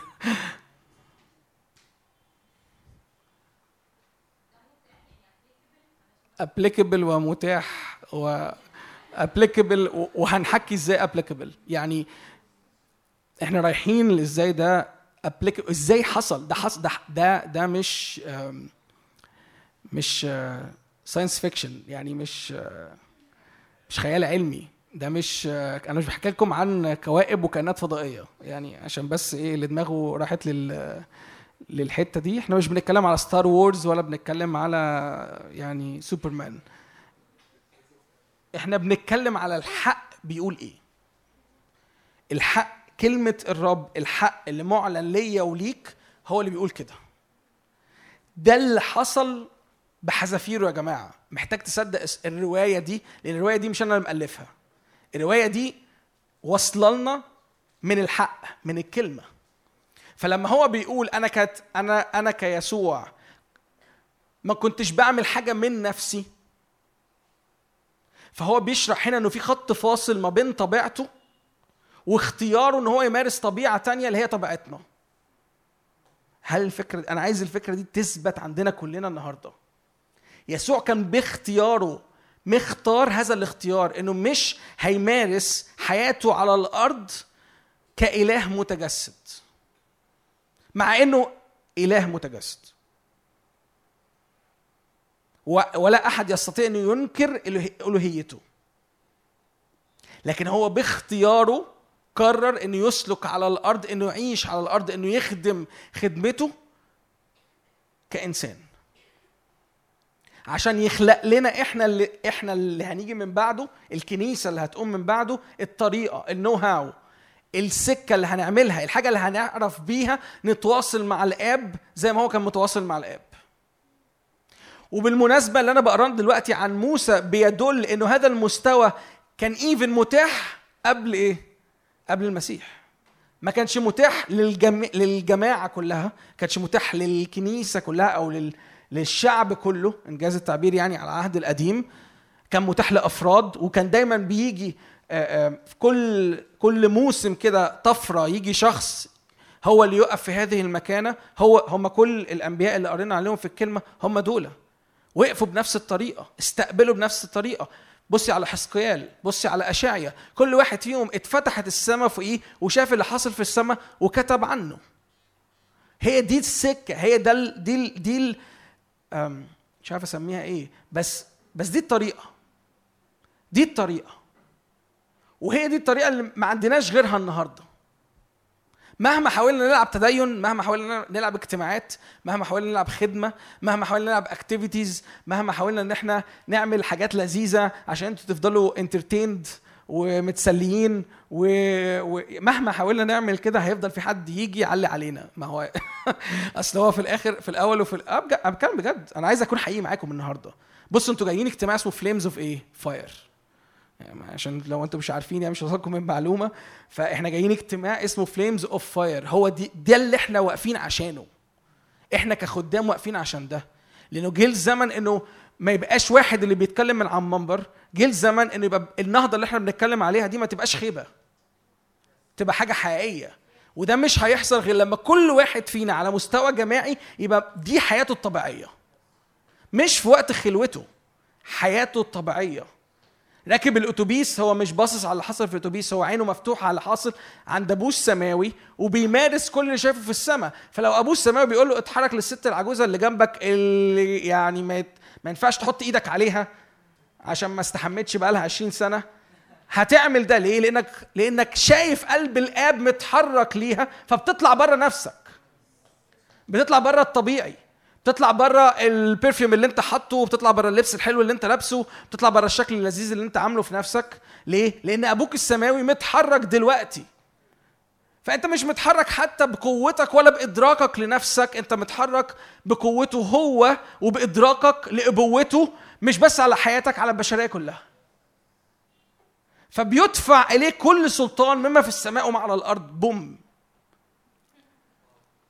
ما بتبقاش معادلة ما بتبقاش قصدي معافرة ما تبقاش خناقة ما بيني وبين ربنا أنا عايز ده يحصل. أنت مش عايز يحصل هو حبيبي اللي عايز يحصل.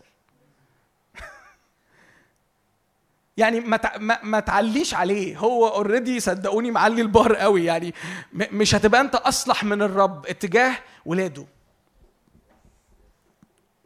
هو صالح جدا اتجاههم هو بيحبهم محبة رهيبة. أنت بس لو ركبت الموجة ولو بس حطيت رجلك في نهر المحبة دوا اتجاه اتجاه اتجاه الناس واتجاه الرب إزاي بيحبهم؟ صدقني انت هتدوب. انت هتنسى. انت هتنسى نفسك وانت جاي منين ورايح فاهمين؟ هتنسى انت لابس إيه وكنت مستحمي دلوقتي فما ينفعش تعمل إيه و... و... والراجل اللي في اوبر معاك ده رغاي ولا مش رغاي هو ربنا عايز يكلمه. رغاي مش رغاي عنده إيه؟ هو ربنا بيحبه. فصدقني اللي هيطلع منك مش انت مش أنا مش سامر. اللي هيطلع في الوقت ده حاجة واحدة بس اسمها يسوع.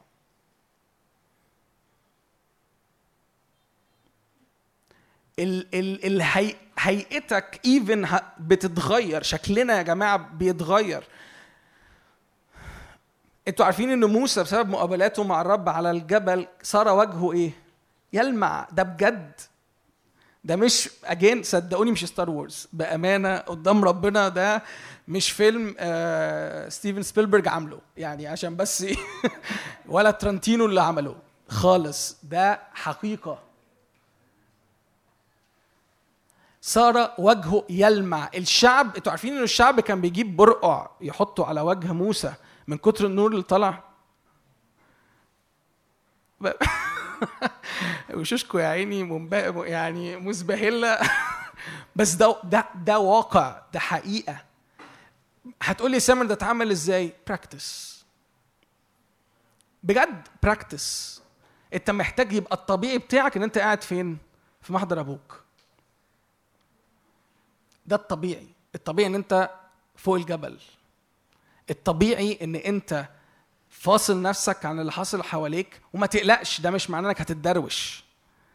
عشان برضو ناس كتير قوي بتخاف من الموضوع ده آه أنتوا عايزيننا بقى إيه آه، كله يتكلم بألسنة وكله يتدروش. حبيبي هو لوحده س... س... س... يعني سيب نفسك ليه؟ ما تسيبش نفسك ليا أنا. سيبك مني. أنا أي كلام أنا فيستك هو يا عم هو كده. هو طبيعته كده.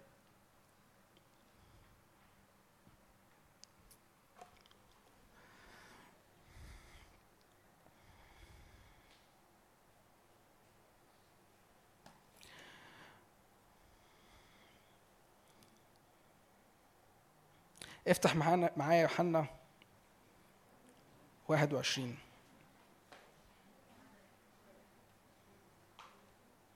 إنجيل يوحنا مش مش آية اسمها مفيش آية اسمها يوحنا عشان بس ما حدش في رسالة يوحنا آه بس ما أنا قلت أوضح بقى عشان إيه ما حدش بصوا أنا بشكل شخصي بعشق هذا الإصحاح يوحنا 21 وبلف وأدور ودايما أرجع له. آه، سنين يعني تعدي من حياتي وأرجع لهذا الإصحاح لأنه أنا مصدق إنه مليان مفاتيح ومليان أمور خاصة جدا لينا وخاصة قوي بالزمن اللي إحنا بنعدي فيه ده. خاصة قوي بالنقلة بالنهضة بالأمور العظمى اللي الرب بيقيمنا عليها بيوكلنا عليها في الزمن ده. وكتير مننا ممكن يكون بينشف في السكة. كتير مننا ممكن يكون مبتدي سكة مع الرب بقاله مدة بيجي وقت كده بينشف. أو لو أنت النهارده أول مرة تسمع هذا الكلام وأول مرة تبقى في وسطينا اسمع الكلام ده لأنه قدام ممكن تتواجه مع هذا الأمر.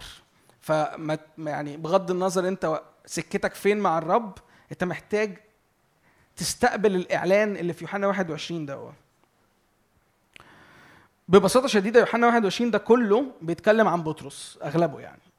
90% هو بيتكلم عن بطرس. بس عايز أقرأ معاكم كده شوية حاجات عشان نستوعب المشهد اللي حاصل ونقدر نقارنه مع بعض باللي فات وباللي جاي لأن ده مهم قوي.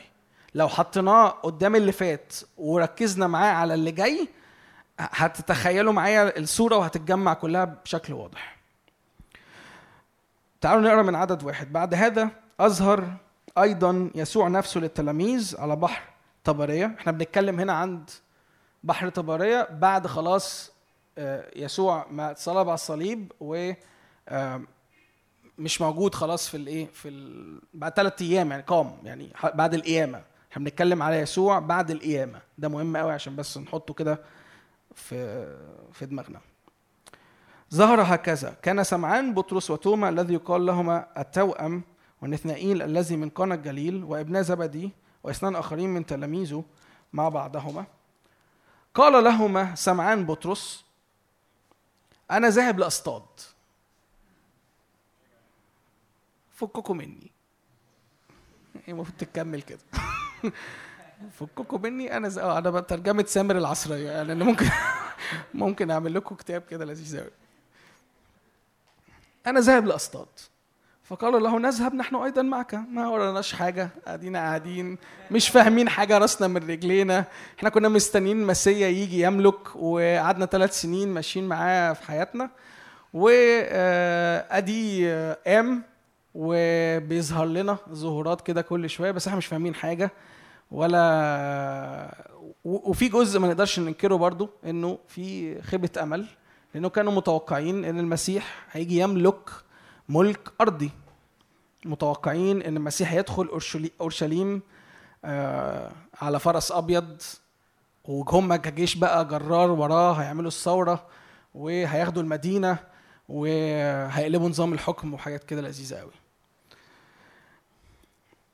فبعد المشهد بعد ال... بعد ال... السكة المرهقة الطويلة اللي هم مشوا فيها دي بطرس بيقول لك أنا ذاهب لأصطاد. وهم ببساطة بيقولوا يلا إحنا كمان معاك. فخرجوا ودخلوا السفينة للوقت. وفي تلك الليلة لم يمسكوا شيئا. ولما كان الصباح وقف يسوع على الشاطئ ولكن التلاميذ لم يكونوا يعلموا أنه يسوع. فقال لهم يسوع يا غلمان ألعل عندكما عندكم أدما أدما يعني سمك. أجابوا لا.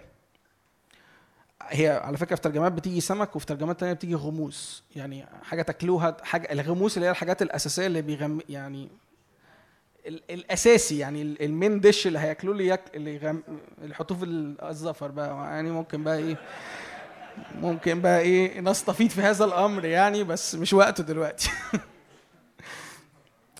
فأجابوا لا. فقال لهما إلقوا الشبكة إلى جانب السفينة الأيمن فتجدوا فألقوا ولم يعودوا يقدروا أن يجذبوها من كثرة الإيه؟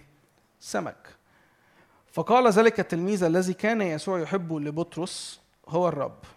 إيه، التل- التلميذ الذي يحبه هنا ده يوحنا بس ما بيحبش يقول اسمه تواضع يعني فما بيحبش يقول بيقول على نفسه أنا التلميذ اللي كان يحبه يسوع بس ما يقولش اسمه. تواضع تواضع آه تواضع. يا جماعة هم الناس لذيذة على فكرة أنتوا لازم تعرفوا إنه يعني الموضوع بجد لذيذ. يعني لازم تنزلوا لل... لل... للك... للكلمة وتستوعبوها لأن هي فعلا اتس فن الموضوع مش مش بنقرأ جرايد يعني. فلما سمع سم... يعني هتلاقوا قفشات وهتلاقوا يعني اللي يركز هيلاقي حاجات في النص كده لذيذة قوي فلما سمع سمعان بطرس أنه الرب اترس بسببه لأنه كان إيه؟ عريانا وألقى نفسه في البحر. وأما التلاميذ الآخرون فجاءوا بالسفينة انهم لم يكونوا بعيدين عن الأرض إلا نحو 200 ذراع وهم يجرون يجرون شبكة السمك. فلما خرجوا إلى الأرض نظروا جمرا موضوعا وسمكا موضوعا عليه وخبز. فقال لهم يسوع قدموا من السمك الذي أمسكتم الآن. قدموا السمك اللي عندكم طلعوا السمك اللي أنتوا جبتوه ده والسمك الكتير اللي اصطادتوه. فصعد سمعان بطرس وجذب الشبكة إلى الأرض ممتلئة سمكا كثيرا 153 سمكة. ومع هذه الكثرة لم تخترق الإيه؟ الشبكة. عندي هنا بقى شوية حاجات كتير عايز أقولها.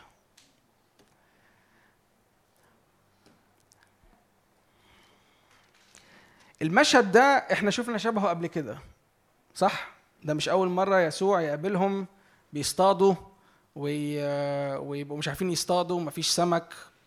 عارفين القصص دي درس الأحد مم. في لوقا خمسة دي كانت أول مقابلة ما بين يسوع وما بين بطرس دي المقابلة اللي فيها يسوع قال لبطرس مش هتصطاد إيه؟ مش هتصطاد تاني أنت هتصطاد إيه؟ ناس انتهى الهوية بتاعتك خلصت الهوية القديمة بتاعتك انتهت انت صرت تابع ليا خادم ليا انت صرت تلميذ ليا.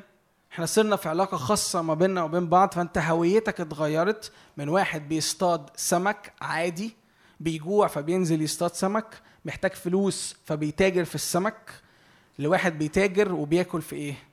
في النفوس ده ده الأكل بتاعه.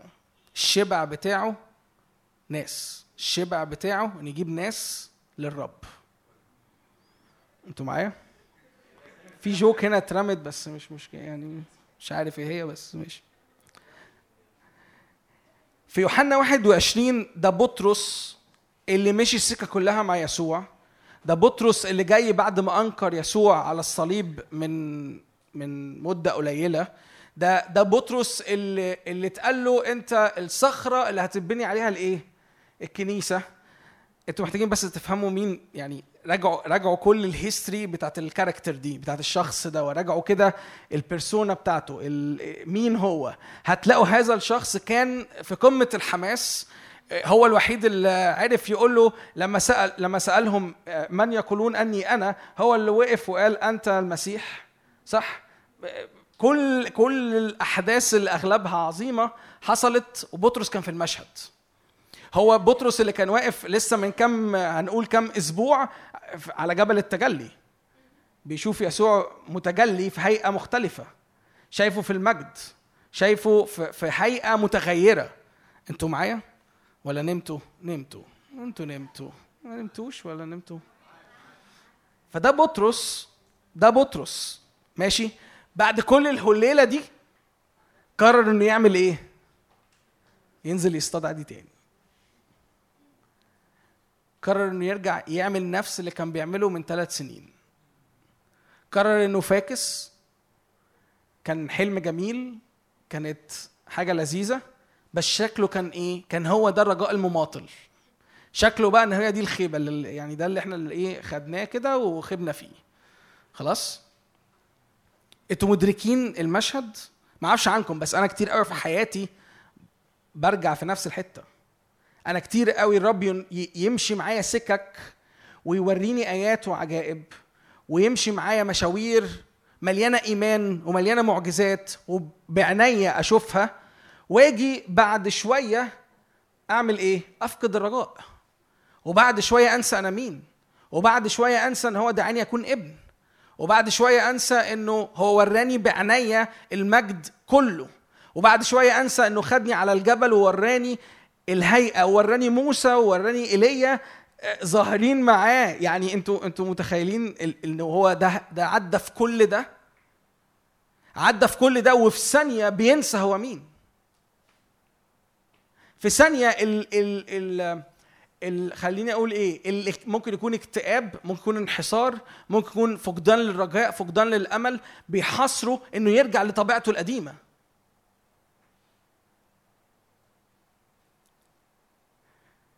الرب كان قاصد قوي إنه يقابله في المشهد ده لأن ده نفس المشهد اللي دعاه فيه أول مرة إنه إيه؟ يخدم معاه. أول مرة دي كانت أول مرة بجد بطرس يترك كل شيء ويتبع المسيح. بس المرة دي في المقابلة دي كانت أول مرة بطرس يطلع بره نفسه بره نفسه ويتحول إلى تلك الصورة عينها لأن لما هتيجوا تقرا قدام في أعمال رسل هتشوف بطرس ده عامل إزاي وهنوصل له. بس ده المشهد. ده بطرس بتاريخه ده بطرس في اللقطة الحاضرة في زمن هو منتظر فيه النقلة هو مش عارف يعمل إيه هو مش فاهم اللي حاصل حواليه هو مش مدرك كل حاجة لكن فقد أهم حاجة فقد هويته وفقد الطول اللي شاف يسوع بيعملها فقد إنه فقد إدراكه وفقد فهمه إنه كان يسوع بيرى اللي أبوه بيعمله كان بيعمله هو كمان. فقد أهم حاجتين. فهيعمل إيه؟ هيلعب في الطبيعي. هيعمل إيه؟ هينزل يصطاد. وإيه؟ ويجي يصطاد ما يلاقيش إيه؟ آه بيفتح السمكة ما لقاش الخاتم فانتوا فاهمين الخيبة؟ يعني أنتوا فاهمين ال ال ال يعني أكيد ده كان بيضرب آه، جزمة دماغه بالجزمة لأنه عمل كل حاجة في حتى الطبيعي مش راضي بيه. أنا بتكلم بجد. يعني حتى الطبيعي اللي كان بيعمله قبل كده وكان بيمشي ما بقاش ما بقاش راضي بيه. بقى, بقى واقف ضده. في في المرة الأولى لما لما لما يسوع قابل بطرس قال له إيه؟ قال له ارمي الشبكة. فرمى الشبكة ولم سبك صح؟ المرة دي قال له إيه؟ قال له ارميه على الناحية الإيه؟ اليمين. ليه؟ لأن في المرة دي مستوى تاني خالص الرب بيتكلم بيه. الرب جاي بيتكلم وجها لوجه. الرب جاي بيتكلم بالتفاصيل بالعمق. مش بيدعوه لأول مرة عشان يتبعه.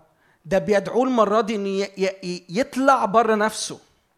ده بيدعوه المرة دي إن مش هيكون هو مركز نفسه. خلي بالكم بطرس كان زعيم وسط التلاميذ. كان يعني كان كان شخصية قوية كان شخصية قيادية كان واحد بيحرك الأحداث لقدام في التوجه اللي هو عايزه.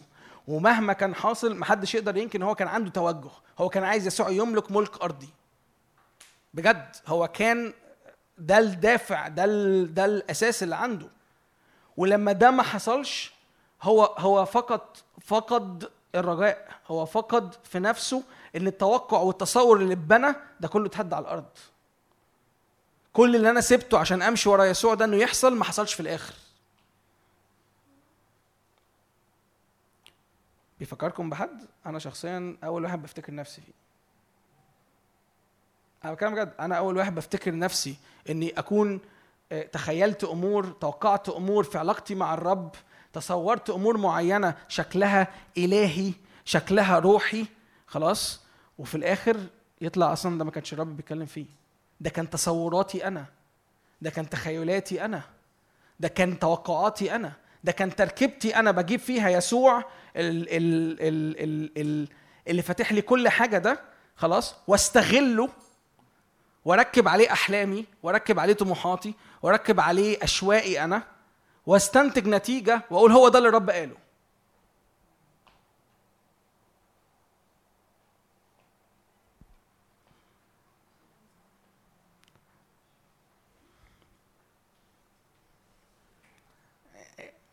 ماشي. مش عارف مش عارف أقول إيه بس يعني أنا شخصيا أنا شخصيا كتير قوي بعمل زي بطرس. أنا بطرس. يعني أنا كتير كتير كتير برتفع ارتفع ارتفع في أمور ورب يجي يلحقني يكشف لي. لولا نعمة ربنا أنا يعني ما كنتش ابقى هنا. أنا بتكلم بجد. مش مش بحاول أتواضع معاكم. أنا بتكلم بجد يعني ممكن أبقى مرة أحكي لكم من بيتي من حياتي الشخصية قد إيه أمور أنا كنت متخيل إن هي صوت الرب وقلت عليها صوت الرب وأجزمت وقفت قدام كل الناس وطلعت غلط. والرب فهمني ووضح لي إن ده ما كانش صوتي ده ما كانش طبيعتي ده ما كانش أنا. نعمة الرب إنه بيوريني ونعمة الرب إنه بيو... بجد بيوريك لما بتقف في الحتة الصح وتقول له يا رب تقول له يا بابا ها أنا ذا اكشف لي اللي في السماء مش ال... مش اللي أنا عايزه. هو ده يا جماعة القياس هو ده اللي أنا بحكي فيه من بدري لو اتلخبطتوا لو تهتوا مني. فلما بقف بقول له وريني اللي في السماء مش وريني مش وريني اللي عيني عايزة تشوفه. أنت بتقف في الحتة الصح. غير كده بره وجها لوجه انت مش محسوب عليك وقت. الوقت الوحيد اللي محسوب في حياتك هي المرات اللي بتقف فيها قدام أبوك السماوي وبتقول له ها أنا ذا وريني. مش عايز حاجة ما عنديش مصلحة. مش عايز منك أي حاجة. انت قد يعني إن أنا هقعد من هنا للصبح أشكرك يا رب إن أنا هنا أصلا إن أنا واقف أمامك إن أنا ليا الحق الدخول أمام العرش. إن أنا في يسوع صار ليا دخول. أنا هفضل من هنا لحياتي كلها ما بعملش حاجة في الدنيا غير إن أنا بشكرك على ده. هو ده الامتياز. مش فارق معايا نبوات مش فارق معايا إيه اللي هيحصل مش فارق معايا آيات وعجائب مش فارق معايا مين هيعمل إيه. ها أنا ذا بالكامل.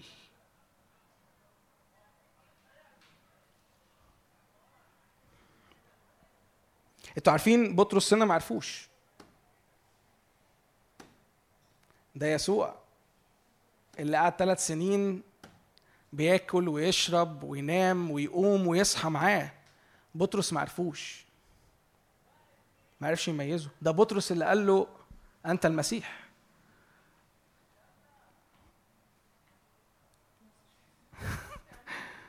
إيه؟ مش قصدي أعمل فيكم حاجة بس أنا عمل اتعمل فيا فبعمل فيكم معايا عشان نبقى إيه؟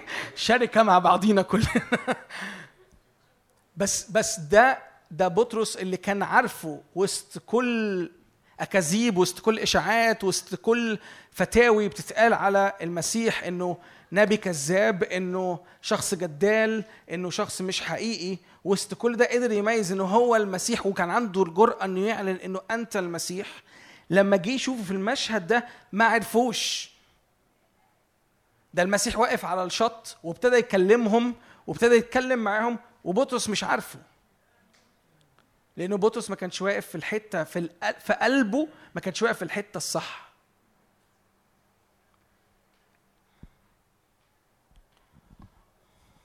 أنا ممكن أقعد أتأمل هنا كتير قوي يعني عندي تفصيلات كتيرة قوي أقعد أتكلم فيها لكن أنا أنا غطيت المعنى الأساسي اللي أنا كنت عايز أقوله هنا. أنا ممكن أقعد أتكلم بقى كتير بقى عن إيه 135 سمكة وليه رماها على اليمين و... و... و... ولما كان كان قالع ما كانش لابس وكان قالع وممكن أتنب... أت... أتأمل في فكرة إن هم كانوا واقفين قريب من الشط في في في لقا خمسة كانوا بعيد كانوا جوه في العمق وما كانوش عارفين يصطادوا هنا هنا اصطادوا وهم بره على الشط ليه؟ لأنه الرب في الزمن دوا هو مش هيخليك حتى تعمل مجهود بإيديك. النعمة هتشيل كل حاجة. انت حتى هتبقى على الشط هتبقى بره مش في العمق أصلا وبتصطاد بال 135 الس- الشبكة بيجروها. أنتوا عارفين إنه في لقا خمسة نقلوا السمك آه، جوه المركب فكانت هتغرق. خلاص؟ هنا بيجروها. بي بي أنتوا فاهمين يعني إيه بيجروها بتقل المية؟ أنتوا عارفين لما حاجة تبقى في المية تقيلة إزاي بتتسحب؟ دي شبكة مليانة 135 سمكه و- والشبكة لم تخترق. انت محتاج تتأمل في ده كتير. انت محتاج تفهم ده في حاجات في حياتك قد إيه انك لما هتبقى في واقف قدام يسوع الممجد ماشي؟ ده مختلف تماما تماما تماما. خدمة الملكوت غير غير حتى خدمة يسوع اللي قضاها على الأرض. لأن هو قال إن إحنا نرى أعظم. خدمة الملكوت هي أعظم.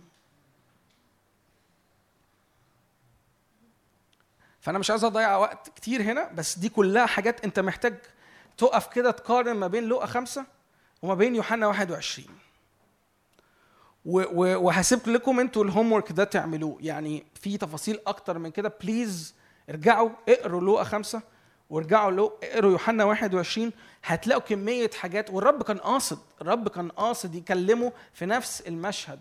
كان يكلمه في نفس ال setup نفس الديكور نفس الطريقة اللي دعاه فيها لأول مرة للدعوة الحقيقية عشان يرد نفسه للدعوة الممجدة. في المرة الأولى هو دعاه لدعوته الحقيقية لكن المرة دي هو بيقول له اتحرك في خدمتي المجيدة في خدمة ملكوتي. خلي بالكم يا جماعة بطرس لو كان كمل باللقطة دي إحنا ما كناش موجودين هنا كلنا. بطرس ده ده ده هو ده الصخر اللي اتبنى عليها الكنيسة. أنتوا أنتوا مستوعبين يعني هذا الشخص اللي أنا بكلمكم عنه؟ ده مش واحد من التلاميذ لذيذ كده معدي آه، آه، معدي في الأحداث كده بطريقة جانبية. ده ده اللي وقف بقى افتح بقى معايا في أعمال الرسل. خلاص. وهو ده بقى اللي إحنا داخلين عليه. دي النقله دي عشان كده النهارده لما بنقول نعيد عيد حلول الروح القدس أنت محتاج تدرك إنه الحميمية اللي ما بينك وما بين الآب هو ده استلام الوعد. أنت هتستلم الوعد لما قال لهم انتظروا في أورشليم. ماشي؟ استنوني في أورشليم عشان تلبسوا قوة من إيه؟ من الأعالي. بطرس لو كان كمل كده كان هيفضل منتظر فين؟ مش في أورشليم. بطرس ما كانش هيفضل ركزوا معايا ابوس رجليكم عشان بس إيه ال- الموضوع حقيقي الموضوع كبير وحقيقي. بطرس لو ما كانش المقابلة دي حصلت في يوحنا 21 ما كانش زمانه في أورشليم مستني حلول الروح القدس عليه والامتلاء بالروح.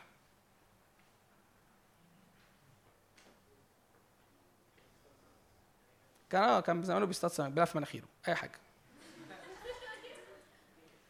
معلش أنا أنا بقول لكم الحقيقة. منتج بقى ولا أعمل أنت عايز تعمله. فارق معايا. افتحوا معايا أعمال رسل اتنين.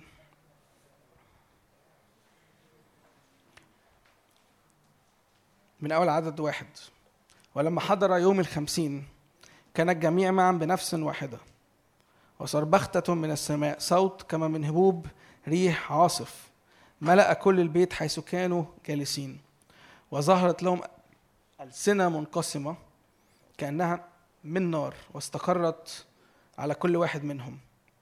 وامتلأ الجميع من الروح القدس وابتدوا يتكلموا بالألسنة بألسنة أخرى كما أعطاهم الروح أن ينطقوا. دي جماعة دي مجموعة قررت إن هي تقف مع بعض كجسد واحد تقول له ها نحن ذا إحنا علينا على الاب مستنيينك في المكان بالملي اللي انت قلت عليه. إحنا بنطيع كل حاجة انت قلتها بتفصيلتها عشان إحنا عايزين نعمل بالظبط اللي انت قلته. لو قلت يمين هنروح يمين هنرمي يمين. لو قلت نرمي شمال هنرمي شمال. إحنا مش هنشتغل بدماغنا. في النقلة الجديدة في الموسم اللي الرب واخدنا فيه إحنا بنقرر انه نبطل كل ما في الجسد. ده قرارنا إحنا ده رغبتنا ده لازم يبقى شوق قلبنا ده لازم يبقى شهوة قلبنا إن يا رب ينبغي إني أنقص وأنت تزداد جدا جدا جدا. أنا بفلوسي بعيلتي ببيتي بعربيتي كل حاجة عندي كل ما لي زي ما هو زي ما أنت قلت لي لكل ما لك هو لي أنا كمان باجي أقول لك كل ما لي هو لك. مستقبلي ومذاكرتي علاقاتي كل ما لي هو لك. مفيش حاجة بتاعتي مفيش حاجة ملكي أنا. أنا لا أمتلك شيء. اللي حصل اللي حصل يوم الخمسين يا جماعة كان ببساطة طاعة للرب. As simple as that. اللي حصل يوم الخمسين من حلول روح القدس على الكنيسة هي كانت طاعة واتضاع قدام الرب إن هو اللي يسود مش إحنا اللي نسود مش إحنا اللي هنعمل الكنيسة. هو اللي هيعملها. بص بطرس عمل إيه في عدد 14 ده بطرس اللي لسه في يوحنا 21 أهو آخر لقاء ليه مع يسوع. ماشي؟ ركزوا معايا. ده كان يوحنا 21 آخر مقابلة ليه مع يسوع. بعد 50 يوم البني آدم ده بيتحول. بيتغير تماما.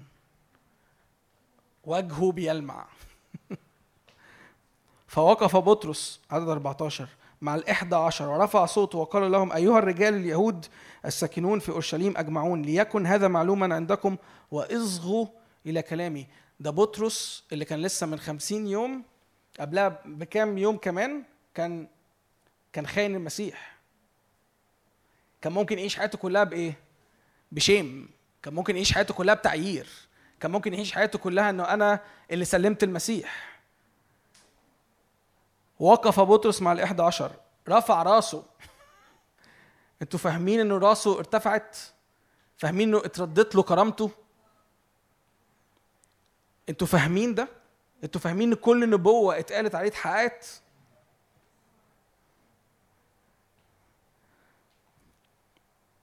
وابتدى يتكلم مع اليهود يشرح لهم إيه اللي بيحصل.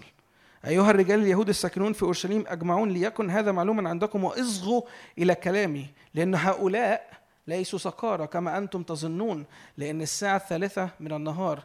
بل هذا ما قيل بيقيل ابتدى يوعظ ويشرح إيه اللي بيحصل.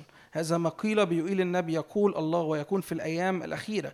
إني أسكب من روحي على كل البشر فيتنبأ بنوكم وبناتكم ويرى شبابكم رؤى ويحلم شيوخكم أحلاما. وعلى عبيدي أيضا وإمائي أسكب من روحي في تلك الأيام فيتنبؤون. وأعطي عجائب في السماء من فوق وآيات على الأرض من أسفل. دما ونارا وبخار دخان تتحول الشمس إلى ظلمة والقمر إلى دم. قبل أن يجيء يوم الرب العظيم الشهير ويكون كل من يدعو باسم الرب يخلص.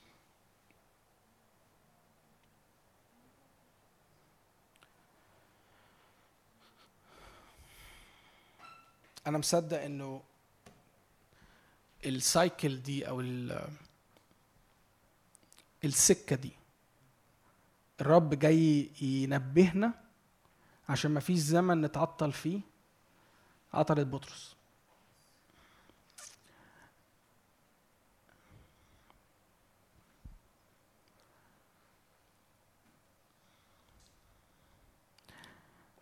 المفتاح هو وجها لوجه.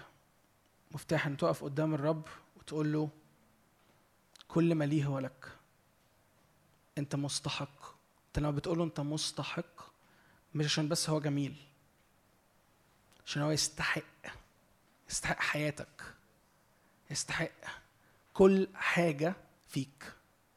يستحق كل حاجة فيك. يستحق كل مستقبلك. يستاهل يستاهل إنه ياخد كل دقيقة جاية. Literally حرفيا مش مجازيا. مش كلام شعر مش كلام وعظ.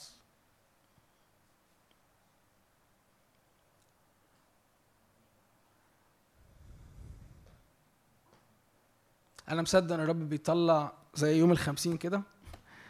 كان في ناس جماعة كبيرة مجتمع في العلية بقلب واحد بنفس واحدة بروح واحد. مجتمعين واقفين نفس وقفة يسوع اتجاه أبوهم.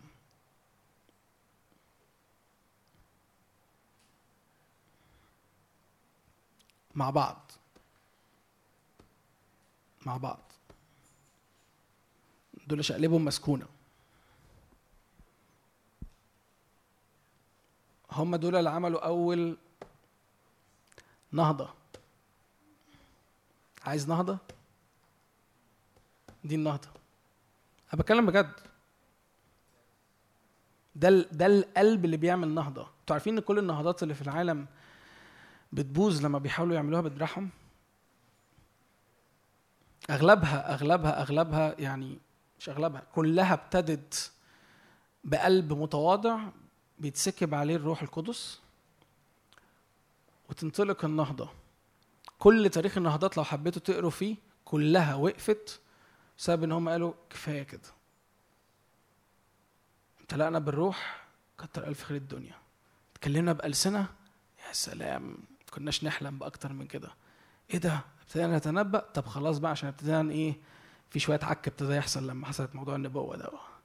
فاحنا هنظبط الدنيا. هنعمل مدرسة معرفش إيه وهنظبط إيه وهنهدي إيه وهنرجع لورا خطوتين لورا علشان الناس ابتدت تتعثر.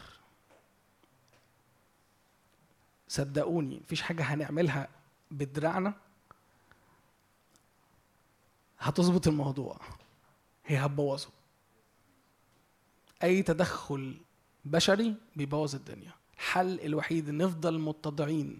كل مرة هنقع فيها نتوب قدام الرب بتواضع. كل مرة محتاج تربط نفسك فيه.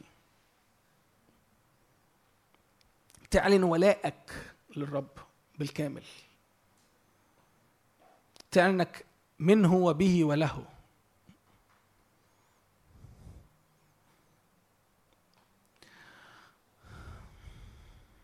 أنا خلصت بس متشجع للرب عايز يعمله دلوقتي. ونفسي إن أنت كمان تكون مستعد بشكل حقيقي إنك لو شاعر إن في حياتك في خطية تتوب قدام الرب وتعلن إن أنت بالكامل ملك ليه. وتتعهد على نفسك إنه هتسلك كابن مش بأحلامك الشخصية مش بطموحاتك أنت. مش بأفكارك أنت مش برغباتك ولا بالفانتازيز اللي نفسك فيها. حط كل ده على الصليب. حط كل ده عند الصليب وقول له أنت مش جيت بس عشان تخلصني أنت جيت عشان تخليني ابن. أنا جعان لما بعد الخلاص. أنا جعان للملكوت. أنا جعان لخدمة ملكوتك. أنا جعان لخدمة الملكوت.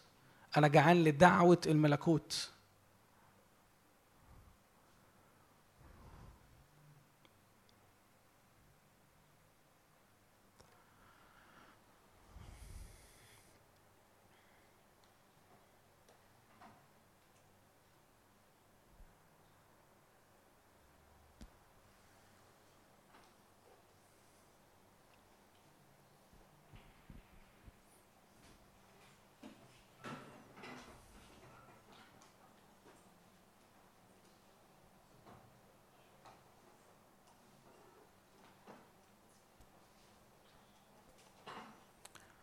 يا روح الله إحنا واقفين أمامك.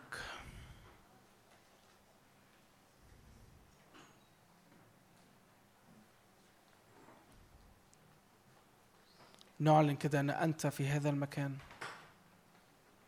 روح الرب في هذا المكان.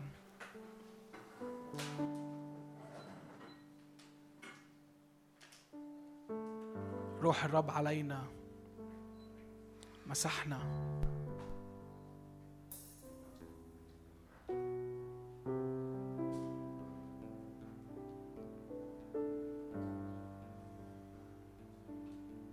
مسحاء للرب. مختارين لمجد اسمه.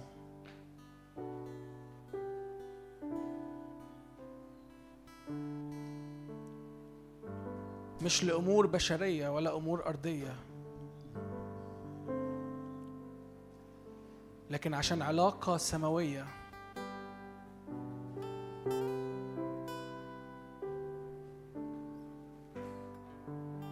استقبل هذا الإعلان استقبل امتلكه. أرجوك ما ما تعديش النهاردة على إنه اجتماع. النهاردة لقاء خاص جدا.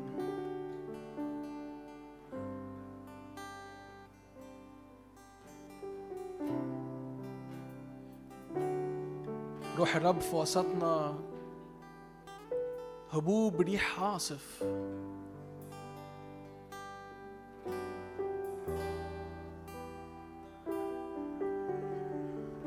لأن كل مرة إحنا بنجتمع فيها زي العلية بالظبط. روح الرب بيجول على الأرض كلها. مستني جماعة مستني ناس تفتح قلوبها وتقول له ها أنا ذا ها نحن ذا واقفون أمامك. استقر في هذا المكان استقر فيا اسكن فيا. أنا هيكل لمجد اسمك. أنا ابنك أنا حبيبك. مش عايز حاجة تاني. كل شوقي كل رغبتي إنك تمجد.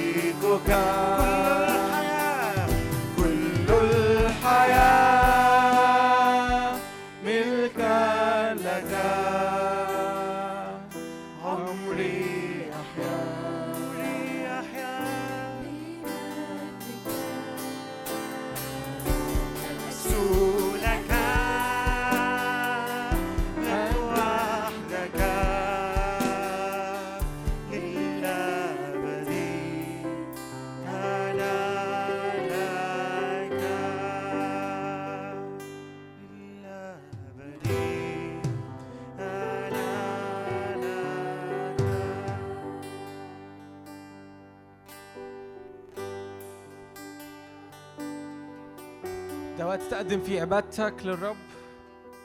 غني أغنيتك للرب سمعوا صوتك. ادخل أمام العرش تراءى أمام وجهه.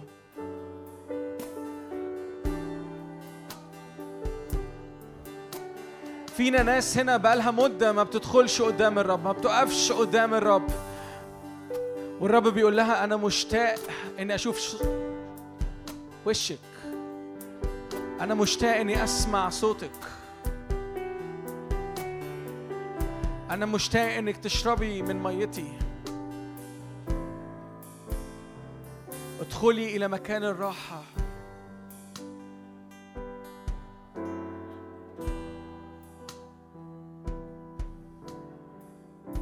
ادخلي إلى مكان الراحة.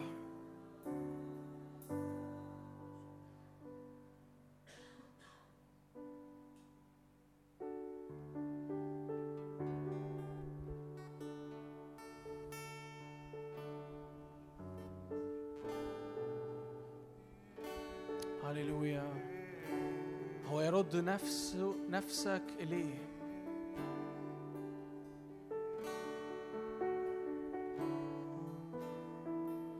هو يرد نفسك ليه.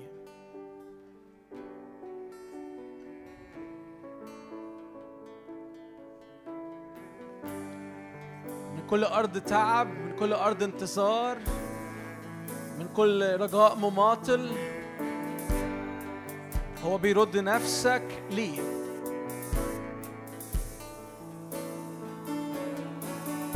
من كل معفرة كل أمور في الجسد كل تعب حصل.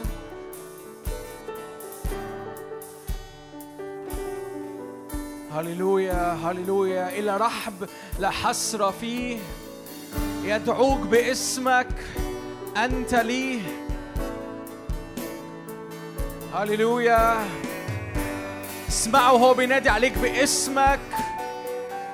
أنت ليه أنت ليه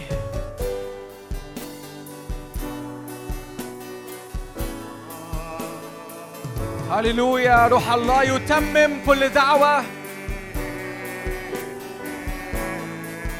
هللويا هللويا. يردك ل... لأرض الراحة لمياه الراحة.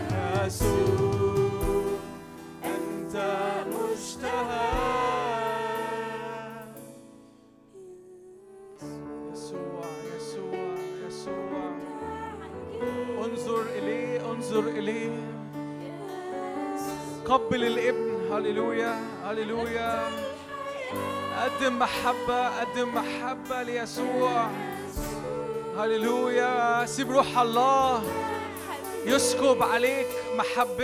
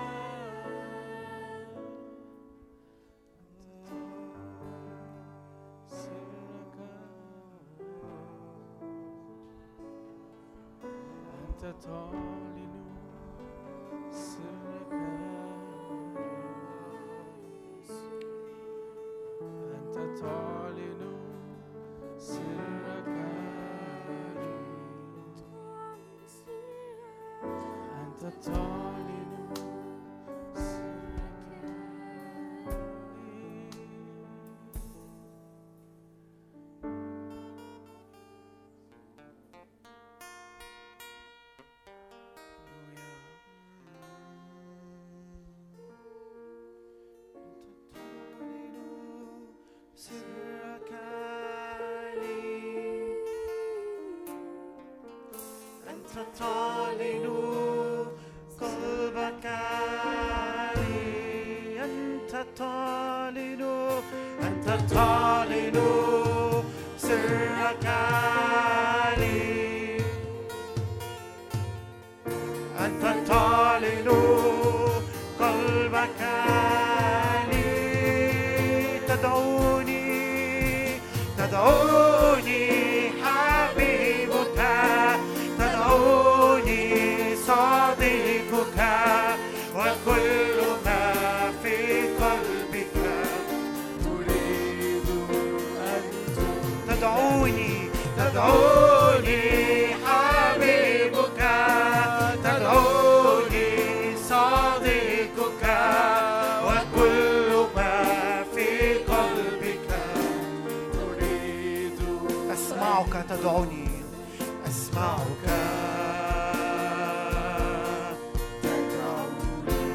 إلى هنا.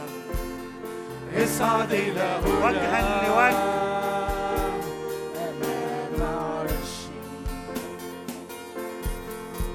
أريد أن أتحدث معك. إلى فمين؟ وجها إلى وجهي. إن كنت قد وجدت. إن كنت قد في عينيك. نعم في عينيك. أرني وجهك أرني مجدك إن كنت قد وجدت نعمة في عينيك. أرني وجهك. أرني مجدك يا رب. هللويا تدعوني تدعوني حبيبك تدعوني صديقك وكل ما في قلبك تريد أن تخبرني تدعوني حبيبك تدعوني صديقك وكل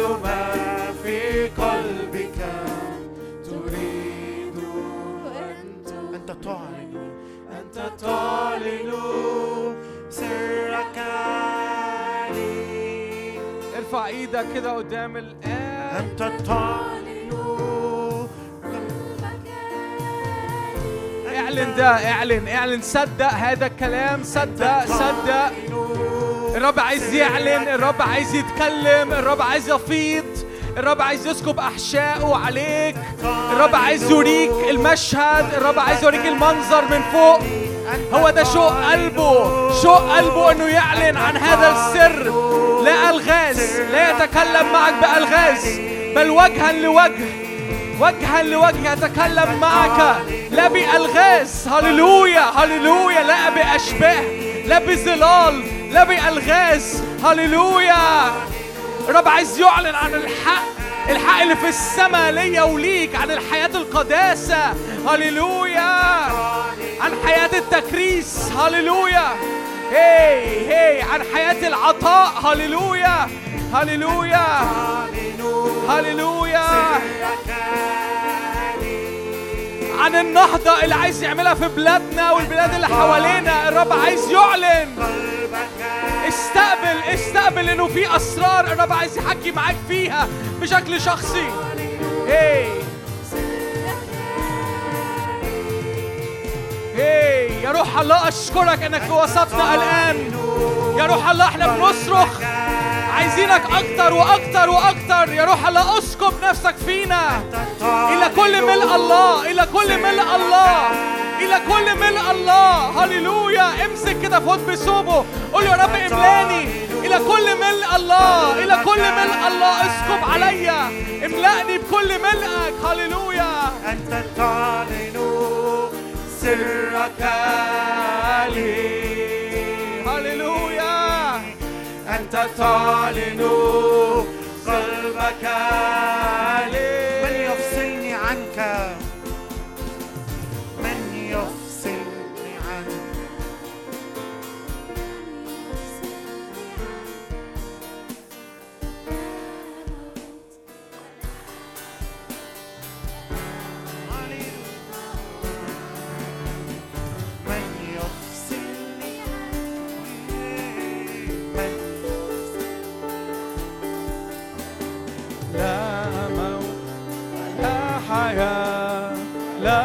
لا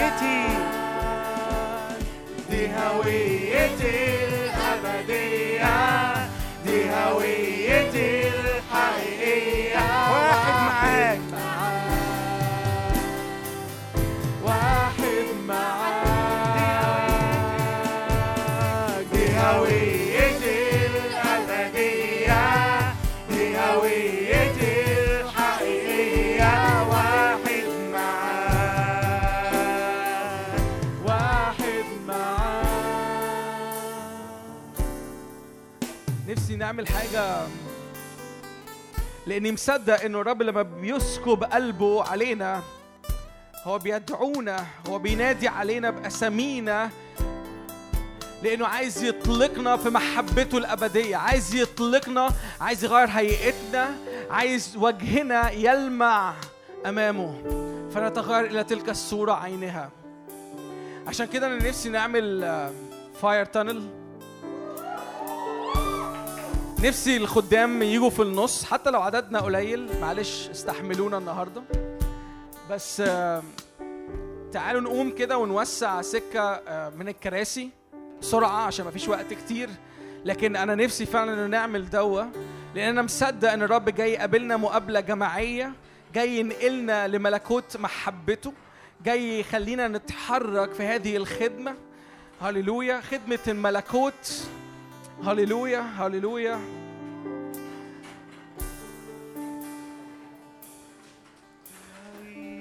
للي مش عارف الفاير تانل ده ببساطة إن إحنا كخدام هنقف في النص وإنتوا هتخشوا في هذه ال- الممر. الممر ده إحنا هنكون بنصلي لكم فيه.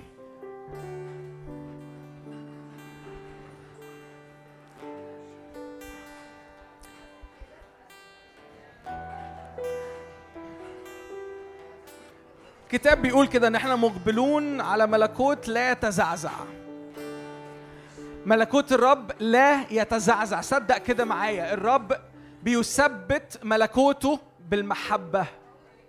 كل مرة انت بتستقبل هذا الإعلان كل مرة انت بتقف في هذا الإعلان انت بتثبت ملكوت الرب في الأرض أكتر وأكتر وأكتر. ملكوت الله ليس بكلام بل بقوة. برهان الروح كل من يرى برهان الروح يبهت. كل من يرى برهان الروح يبهت.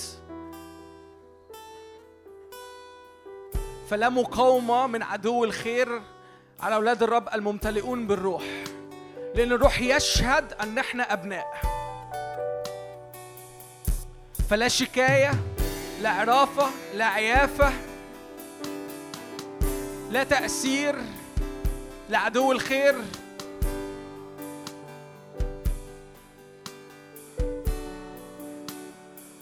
هللويا. طبيعة جديدة خليقة جديدة. مخلوقون على صورته على طبيعته.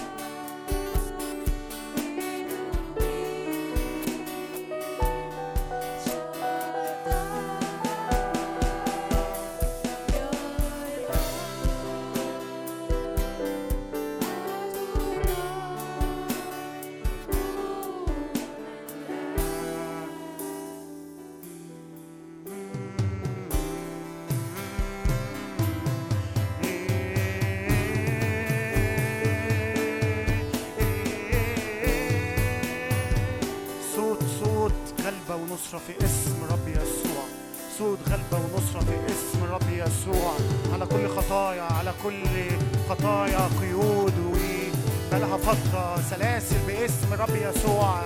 تتكسر تتكسر الآن فواحذر الرب. سلاسل قيود خطايا. نعم يا رب اسم يسوع. تتكسر الآن الآن الآن. يد الرب تضع تضع على جسدك الآن في اسم الرب يسوع. صوت صوت يكسر يكسر. هللويا باسم الرب يسوع. حرية حرية حرية. هللويا.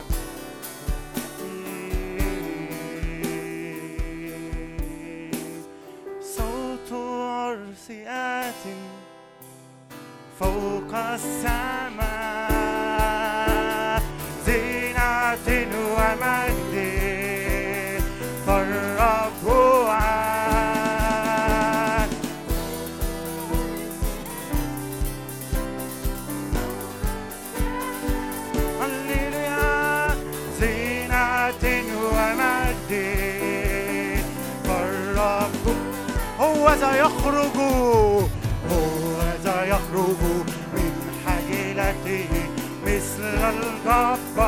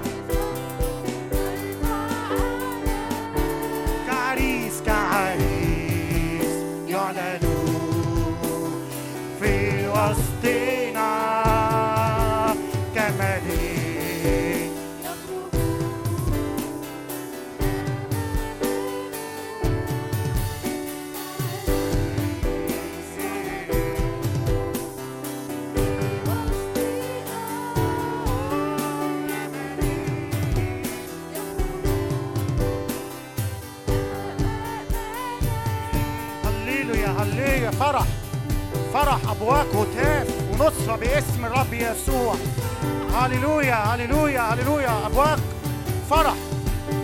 حاولت نوحي إلى رقص لي افرح بالرب. هللويا أفراح من عرش الآب. حولت نوحي إلى رقص لي حللت مسحي منطقتني. فرحا فرحا إلهي. حولت نوحي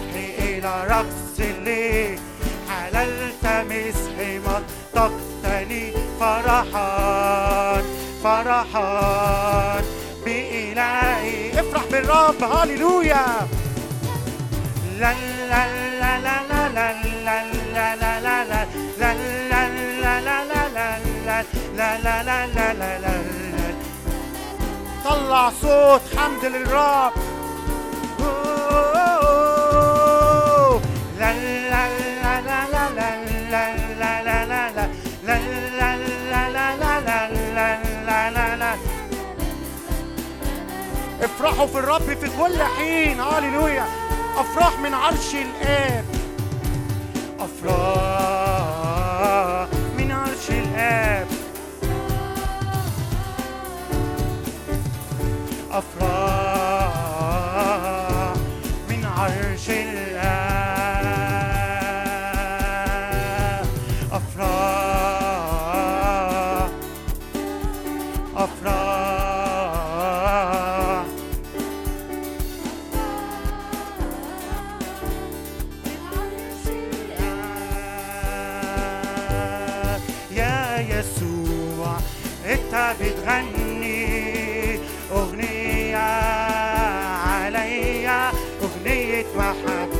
وفرح وسلام.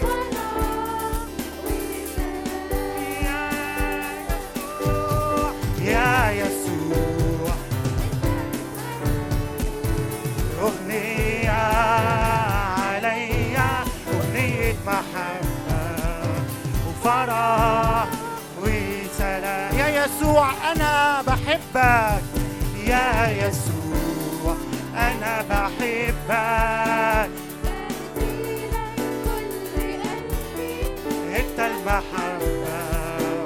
والفرح وسلام يا يسوع أنا بحبك.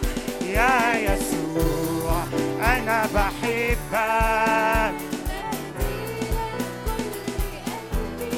أنت المحبة